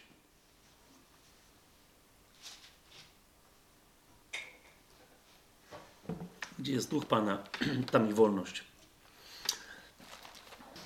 Szybciutko otwórzmy sobie księgę Jeremiasza. 32 32 werset. 32 rozdział. 38 werset. Jeszcze musimy wrócić, jeszcze jeden aspekt pokazać tego, że Dzień Pięćdziesiątnicy jest nadaniem prawa, ale żebyśmy rozumieli, jak bardzo to się różni, to prawo, które, które my reprezentujemy, którym żyjemy, którym my, którego tablicami my jesteśmy, jak bardzo to się różni od, od czegokolwiek związanego z Synajem. 32 rozdział, 38 werset. Pan mówi: I będą moim ludem, a ja będę ich Bogiem. I dam im jedno serce i jedną drogę, aby bali się mnie przez wszystkie dni dla dobra ich samych i ich dzieci po nich. I zawrę z nimi wieczne przymierze, że się od nich nie odwrócę i nie przestanę im dobrze czynić, lecz włożę w ich serca moją bojaźń, aby nie odstępowali ode mnie. Ale jeszcze raz zwróćcie uwagę, nie tylko Pan mówi, na Twoim sercu osobiście wypiszę to prawo i Ty będziesz moją tablicą, ale mówi, wszyscy którzy będą moim, tablicami mojego prawa, będą, jeszcze raz zwróćcie uwagę, będą mieć pokój wspólnie. Dam im wszystkim, to jest liczba mnoga, dam im co? Jedno serce i jedną drogę. Dzwoni coś w uchu? Jeremiasz 24 rozdział. Jeremiasz 24 rozdział mówi nam następującą rzecz, to jest 24 rozdział, e, siódmy werset. Dam im bowiem serce, aby mnie poznali, że ja jestem Pan oni będą moim ludem, a ja będę ich Bogiem, gdyż nawrócą się do mnie całym swoim sercem. Zauważcie, oni się nawrócą całym swoim sercem. Jeżeli będzie więcej niż jedna osoba, które się nawrócą, dwie albo trzy, one wszystkie nie tylko będą miały wypisane prawo na swoich małych serduszkach, ale oni wszyscy będą mieli jedno serce. To jest bardzo wyraźnie zapowiedziane. Będą mieli jedno serce. I teraz otwórzcie sobie dzieje apostolskie, najpierw drugi rozdział. Bardzo istotna rzecz. Dzieje apostolskie, drugi rozdział, 44, 44 mm, mm, werset do 47. A wszyscy, którzy uwierzyli, to jest cały czas rozdział opisujący dzieje apostolskie, a wszyscy, którzy uwierzyli, byli razem i wszystko mieli wspólne. Sprzedawali posiadłości i dobra i rozdzielali je wszystkim według potrzeb. Każdego dnia trwali zgodnie w świątyni, a łamiąc chleb, po domach przyjmowali pokarm z radością i w prostocie serca, chwaląc Boga i ciesząc się przychylnością wszystkich ludzi. A Pan dodawał Kościołowi każdego dnia tych, którzy mieli być zbawieni. Oni robili zbawionych, ich ewangelizacja i, i, metody ewangelizacyjne przyprowadzały kolejnych zbawionych do Kościoła, czy też ich trwanie w jednomyślności powodowało, że Pan miał gdzie przyprowadzić kolejnych zbawionych. Teraz jeszcze raz, bo niektórzy mówią, to jest, niektórzy w ogóle nie lubią tego czytać. Znam kościoły, gdzie jest ten tekst dosłownie zakazany, że nie wolno głosić na jego temat. Dlaczego? Ponieważ jest lewacki, to jest komuna, to jest socjalizm. Ludzie mogliby mieć polityczne poglądy na ten temat. No bo tu jest mowa o tym, że wszystko mieli wspólne. Wiecie o co chodzi, tak? Swoją drogą komunizm, jak wiele innych pomysłów diabła, to jest zawsze parodia czegoś, co jest naprawdę Boże. Tak? Więc to była parodia dokładnie tego. Tylko, że dzieje apostolskie, czwarty rozdział nam wyjaśniają, dlaczego to oni wszystko mieli wspólne i jednak wszystko yy, yy, elegancko funkcjonowało. Czwarty rozdział, 32 werset, mówi nam, a to mnóstwo wierzących, to jest czwarty rozdział dziejów apostolskich, 32 werset, a to mnóstwo wierzących miało jedno serce i jedną duszę. Nikt nie nazywał swoim tego, co posiadał, ale wszystko mieli wspólne. Apostołowie zaś z wielką mocą dawali świadectwo o zmartwychwstaniu Pana Jezusa i wielka łaska była nad nimi wszystkimi. Nie tylko indywidualnie, ale nad nimi wszystkimi przez jedno serce i przez jedną duszę. Jeżeli mamy doświadczenie Ducha Świętego, ktoś twierdzi, że jest gdzieś doświadczenie Ducha Świętego i w wyniku tego doświadczenia nie pojawia się jedność w kościele, tak, że ci, którzy uczestniczą w tej jedności, wiedzą, że mają jedność nie tylko ze sobą, bo bardzo łatwo z tego zrobić sektę, ale mają jedność także z tymi, którzy gdzie indziej w ciele Chrystusa się im przeciwstawiają. Jeżeli nie mamy takiego owocu Ducha Świętego, to znaczy, że nie przyszedł Duch Święty.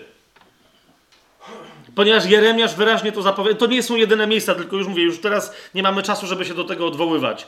To znaczy, że nie przyszedł Duch Święty. Owocem pięćdziesiątnicy jest jedno serce, jeden duch, jedna dusza, jedna droga, którą wszyscy idziemy. I nawet jeżeli inni mówią, ja też jestem chrześcijaninem, ty jesteś, i się nam przeciwstawiają, po tym poznaję, że mam ducha w sobie, że mam miłość dla tego brata i czuję z nim jedność, nawet jak on ze mną nie czuje i nie doświadcza a wręcz przeciwnie, nie lubi mnie i ma mi wiele za złe, dlatego że w coś wierzę, w co on nie wierzy i tak dalej. Nie ma nic do rzeczy. To nie ma nic do rzeczy. Przyjście Ducha Świętego objawia się przez jedność. Zwróćcie uwagę na takie historie w historii Kościoła, jak na przykład Hernhut yy, i to, co tam zrobił, yy, działając pod mocą Ducha Świętego hrabia Zinzendorf, yy, i, i jak te, te różne denominacje zjednoczone w jednym miejscu bo dostały schronienie od hrabiego Zinzendorfa między innymi Polacy, e, e, bracia Arianie, e, bracia czescy, morawscy i tak dalej, i tak dalej. Oni tam wszyscy przybyli i będąc prześladowanymi przez katolików czy jeszcze przez kogoś innego, uznali, że tam znajdą schronienie i na miejscu zorganizowali sobie taką kłótnię, jakiej, jakiej do tej pory jeszcze nie znali jak do tej pory oni byli prześladowani, tak, tak tam siebie zaczęli nawzajem oczernianiem, fałszywymi informacjami, prawdziwymi doktrynami, które sobie przeciwstawiali, zaczęli siebie nawzajem prześladować. Cyncendorf, jak doprowadził wreszcie do ich zjednoczenia, że się zgodzili co do czego na bazie Słowa Bożego mogą być jednomyślni, przyszedł do nich Duch Święty jak w dzień pięćdziesiątnicy. Jeszcze raz, to też nie jest dzisiaj miejsce, żeby o tym mówić. Kto z Was potrzebuje, niech sobie przestudiuje tamtą historię. Wzorzec oparty na, na, na modelu dziejów apostolskich. My dzisiaj też tego szukamy. Mamy oczekiwać i wołać wszędzie tam, gdzie, gdzie potrzebujemy przebudzenia o Ducha Świętego i rozpoznać Jego przyjście po jedności nadprzyrodzonej, z którą On przyjdzie i którą nam On ofiaruje, bo my sami po ludzku nie jesteśmy w stanie jej sobie zorganizować. Jasne to jest? Ok. Izajasz 55 rozdział. Jeszcze jedną rzecz, na jedną rzecz zwrócę y, uwagę i może się w trzech godzinach zmieścimy. Za każdym razem mam wrażenie, że to będzie naprawdę tylko godzina 20. Izajasz 55. E,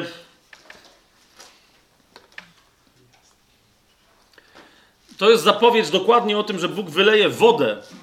Tak? To, co Jezus wołał, kto jest spragniony, niech przyjdzie do mnie i pije. Tak się zaczyna 55 rozdział od pierwszego wersetu. O, wszyscy spragnieni, przyjdźcie do wód i wy, którzy nie macie pieniędzy, przyjdźcie, kupujcie i jedzcie. Tak, przyjdźcie, kupujcie bez pieniędzy i bez zapłaty wino i mleko. I tak dalej, i tak dalej. Ale o co chodzi? W wyniku przyjęcia za darmo tego napoju, który Pan daje, nie tylko ty się rodzisz na nowo według tego proroctwa, ale dzieje się jeszcze coś. Zobaczcie trzeci werset. Nakłoncie swojego ucha i przyjdźcie do mnie. Słuchajcie, a wasza dusza będzie żyć. I zawrę z wami wieczne przymierze, pewne miłosierdzia Dawida. Takie mamy tu tłumaczenie. Już pomijam, wiecie, dlaczego mi by miało być potrzebne miłosierdzie Dawida. Niech się Dawid sam nad sobą zmiłuje, jak może. Ale jeżeli y, nie pamiętacie, wiele osób pamięta, ale jeszcze przypomnę dla pewności, Dawid znaczy w języku hebrajskim umiłowany syn. Okay? Dawid to nie jest tylko imię króla Dawida. Ono oznacza umiłowany syn. Ten, którego ja miłuję. To jest imię, które było wypowiedziane nad Jezusem. To jest mój Dawid, powiedział po hebrajsku głos Boży z nieba. To znaczy, to jest mój syn umiłowany. Jego słuchajcie. Tak? I na górze przemienienia i, i, i w czasie tak zwanego chrztu Jezusowego. Tak? Jezus został nazwany Dawid, to znaczy mój umiłowany syn, o nim powiedział Jahwe. Tu zapewne chodzi o miłosierdzie umiłowanego syna Jahwe, a nie króla Dawida. Zwłaszcza, że w wyniku, y, zwłaszcza, że tu jest następnie powiedziane o tym umiłowanym synu, oto ustanowiłem go świadkiem dla narodów, wodzem i dowódcą dla narodów. Kto ma rządzić narodami rózgą żelazną? Baranek, który się wcielił, został zabity, ale zmartwychwstał i żyje. I czekamy na jego powrót. Amen? I teraz wśród tych narodów, uważajcie, jest jedna rzecz. Jest zapowiedź, oto przywołasz naród, którego nie znałeś. Oto przywołasz naród, którego nie znałeś. A narody, które cię nie znały, zbiegną się do ciebie ze względu na Pana, twojego Boga i świętego Izraela, bo on cię uwielbił. Ten naród będzie się składał z ludzi, którzy się zbiegną z wszystkich narodów i stworzą nowy naród. Stany Zjednoczone w tym sensie są próbą realizacji tej mesjańskiej zapowiedzi. I oni często, wiesz, wiecie, zwłaszcza w XIX wieku, w całkiem mądrze, nie chodzi mi o to, że to są jakieś bluźnierstwa, próbowali się pokazać, że w tym duchu stworzenia nowego narodu możemy osiągnąć sukces. I czasem im się udawało. Tak? Czasem im się udawało. Ale teraz, yy, gdzie, my mamy ten nowy naród? Kto jest tym Dawidem i, i, i, i kto jest tym nowym narodem? Otwórzmy sobie list do Efezjan. Bo to o nim w liście do Efezjan Paweł bardzo wyraźnie mówi. To jest drugi rozdział listu do Efezjan od 11 wersetu. Paweł nam mówi, że my mamy pamiętać, że my jesteśmy wypełnieniem tego, czyli, czyli na, rozumiecie, to nie jest tylko to, że my mamy mieć jednomyślność między sobą. My naprawdę mamy funkcjonować w tym świecie jako naród przyszłości. Żeby kiedy przyjdzie przyszłość pod postacią królestwa tysiącletniego, żeby do niego wejść z dumą, na to czekaliśmy.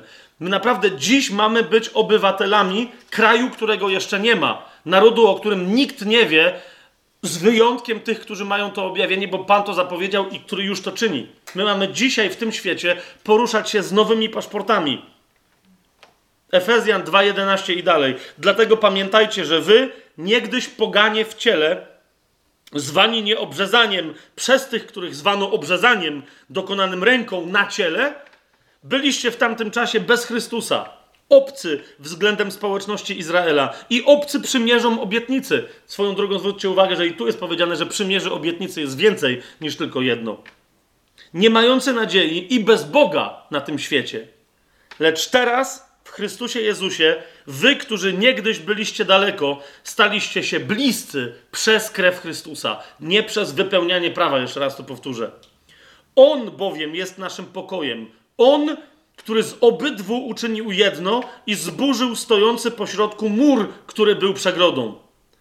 Z obydwu, czyli z obrzezanych i z nieobrzezanych. Z tych uczynił jedno nowego, zupełnie nową jedność. Znosząc przez swoje ciało nieprzyjaźń, prawo przykazań wyrażone w przepisach, znosząc, rozumiecie, znosząc i tę nieprzyjaźń, i to prawo, aby z dwóch stworzyć w samym sobie jednego nowego człowieka, czyniąc pokój.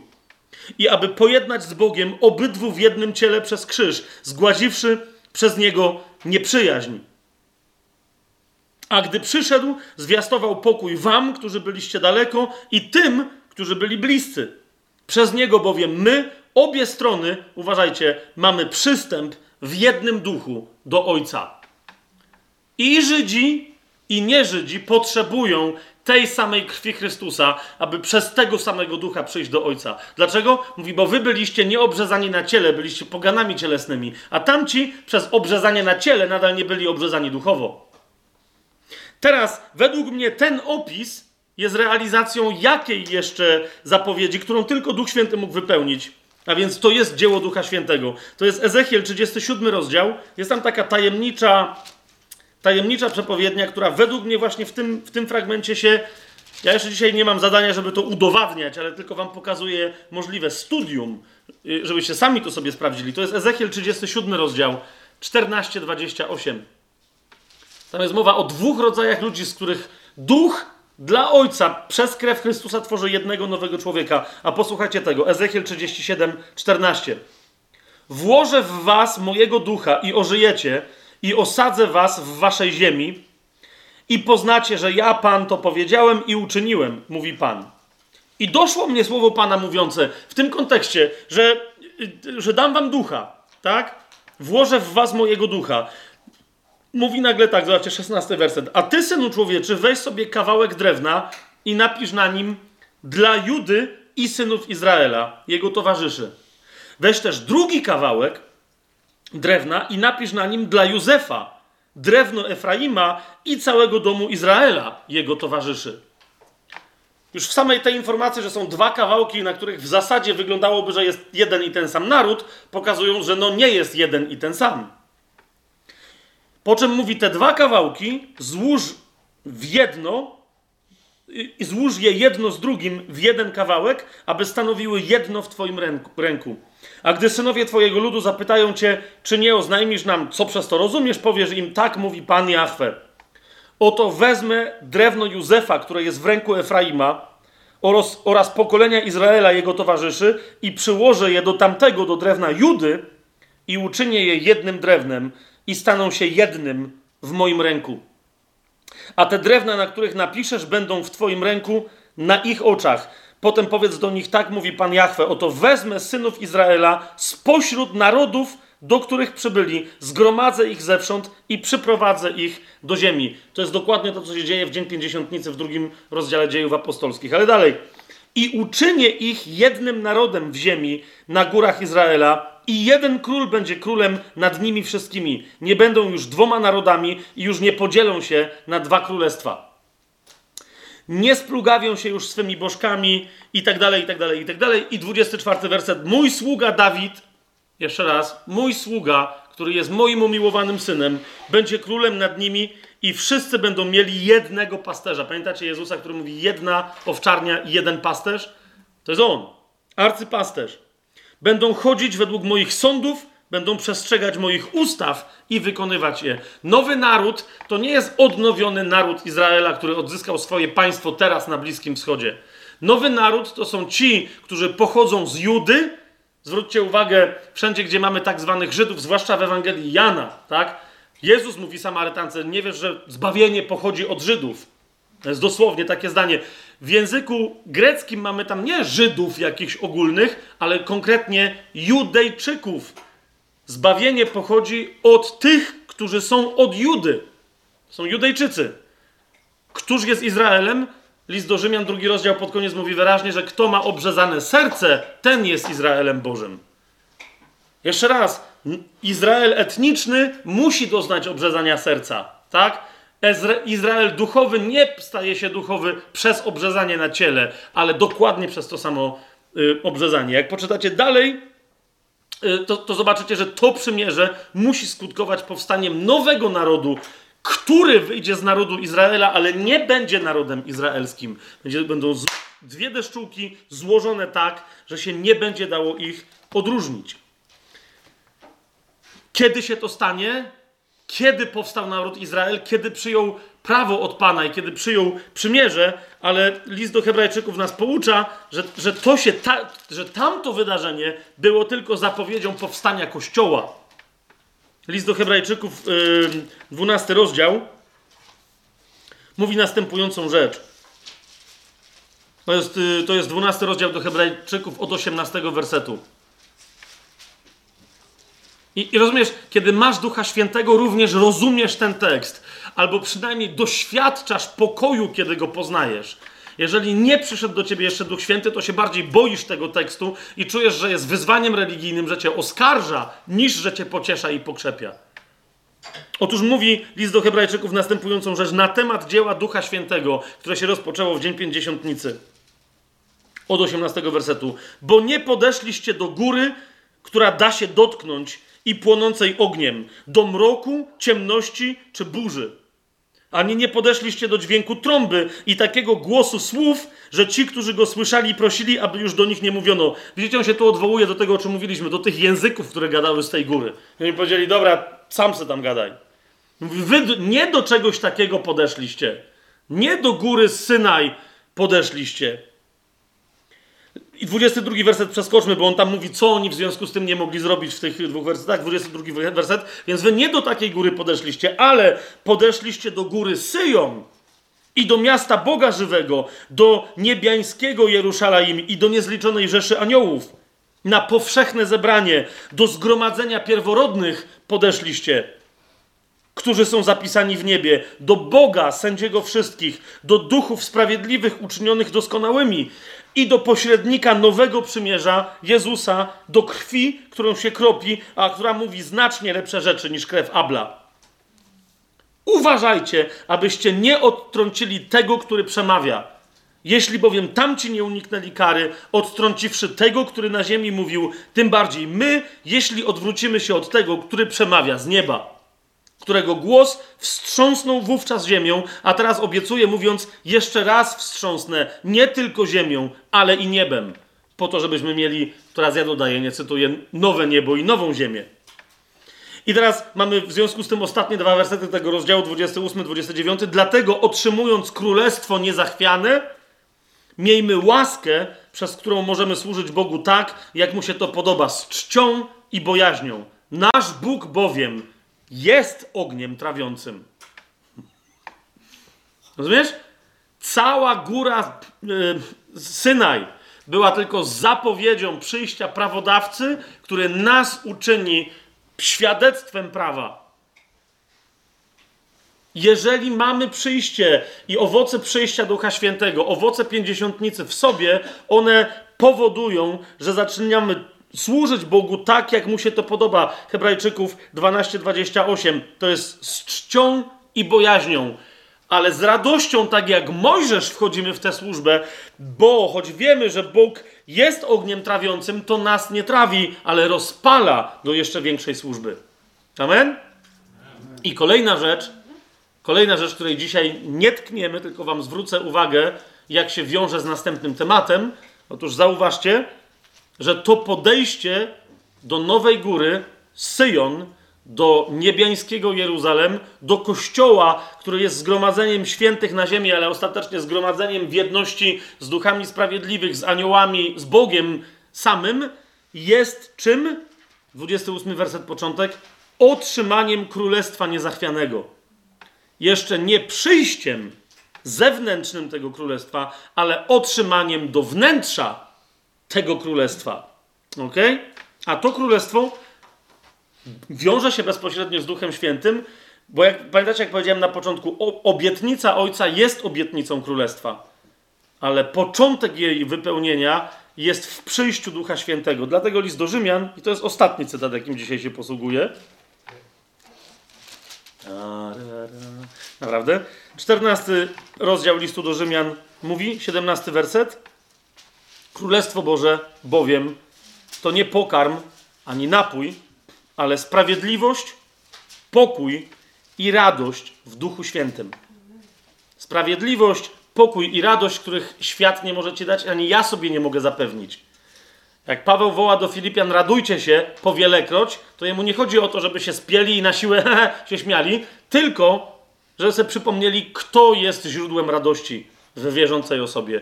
Jak im mówi pokój, to nie żeby go wywoływali, zaczęli o niego błagać, tylko żeby sobie przypomnieli, że mają gwarancję od Jezusa: Ja go daję na określonych zasadach. Królestwo Boże to jest sprawiedliwość, pokój i radość w Duchu Świętym. Kto bowiem w tym służy Chrystusowi, podoba się Bogu i cieszy się uznaniem u ludzi. Tak więc dążmy do tego, co służy pokojowi i wzajemnemu zbudowaniu. Ludzie, u których widzisz te tendencje, nawet jeżeli, chociaż według mnie powinni chodzić w tym, co nadprzyrodzone, powinni mieć, doświad- widzieć znaki, cuda i doświadczać nadprzyrodzonego działania Ducha Świętego.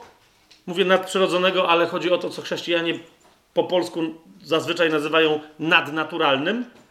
Według mnie słowo supernatural z amerykańskiego wykonania różnych preacherów po polsku tłumaczy się jako nadprzyrodzone, a nie ponad naturalne. No ale już niech będzie, już mamy słowo ponadnaturalne, to jest, ale mi chodzi o to samo, nadprzyrodzone, to jest ponadnaturalne w tym naszym chrześcijańskim slangu. Więc uważam, że powinniśmy mieć doświadczenie tego regularnie, na codziennej bazie tego, co nadprzyrodzone i ponadnaturalne. Ale to, co nadprzyrodzone, ponadnaturalne, jakkolwiek to nie nazwiesz, powinno jeszcze raz umacniać nas w tym, co oczywistą miłością yy, dla innych powinno nas umacniać w dążeniu do tego, 19 werset, co służy pokojowi i wzajemnemu zbudowaniu. To jest prawo wypisane przez Pana w naszych sercach i to są owoce wypisania tego prawa oraz to, to jest owoc obecności tego, który w nas pisze, któremu wystarczy, że pozwolimy, żeby nas przypilnował. I my się nie musimy spinać. On spowoduje, że, że będziemy temu wierni. Jak to mamy powiedziane, i tak wciąż uważam, że jest za mało, wciąż za mało powiedziane na ten temat wobec, wobec mitów, jakie krążą i płyt, pła, płytkich i płaskich, często po prostu pustych e, doktryn na temat Ducha Świętego. One muszą się wyrażać takim konkretem, taką soczystą mocą, jak e, nie bredniami jakimiś. Rozumiecie, prawo dla chrześcijanina którym ma Ducha Świętego, powinno takie rzeczy oznaczać, taką radość, taki owoc, jakby się taplał w świeżym soku wyciśniętym z winogron i zajadał akurat dopiero co upieczoną dla niego specjalnie osobiście przez Pana Jezusa żydowską macą. A my mówimy prawo i wszystko, ee, legalizm, rozumiesz? My, my jesteśmy spod i z góry Syjon, a nie Synaj. Jesteśmy córkami i synami wolnej, a nie niewolnicy. Sary, a nie Hagar. Jeżeli, jeżeli o tym mamy pamięć, że Dzień Pięćdziesiątnicy jest właściwym nadaniem właściwego prawa w jego właściwym charakterze, to wtedy wszystkie inne rzeczy związane z Duchem Świętym, włącznie z najbardziej spektakularnymi, nadprzyrodzonymi znakami i cudami, znajdą się we właściwym porządku i hierarchii, na właściwej w kolejności miejscu. Jasne jest to, co powiedziałem teraz? To więcej nie tłumaczę. A następnym razem e, zajmiemy się odpowiedzią na to pytanie, po co wobec takich mocy i takich historii jednak na pierwszym planie przyjścia Ducha Świętego jako kogoś takiego, jak przez te ostatnie spotkania sobie przedstawialiśmy, dlaczego na pierwszym planie stoi święto ala polskie dożynki? Co to ma z czymkolwiek wspólnego i dlaczego jest jedną z najpiękniejszych informacji, historii, o jakich możemy w Biblii przeczytać, a jednocześnie jest czymś, czego nawet jeżeli do tej pory potężnie doświadczyliśmy, to jeszcze w tym wieku, na tym świecie i w tej historii, jeszcze przed przyjściem Chrystusa, przyniesie wydarzenia, o jakich się nam nawet nie śniło. Szawuot, święto tygodni. Następnym razem. Uwielbiam Was za Waszą cierpliwość. Amen.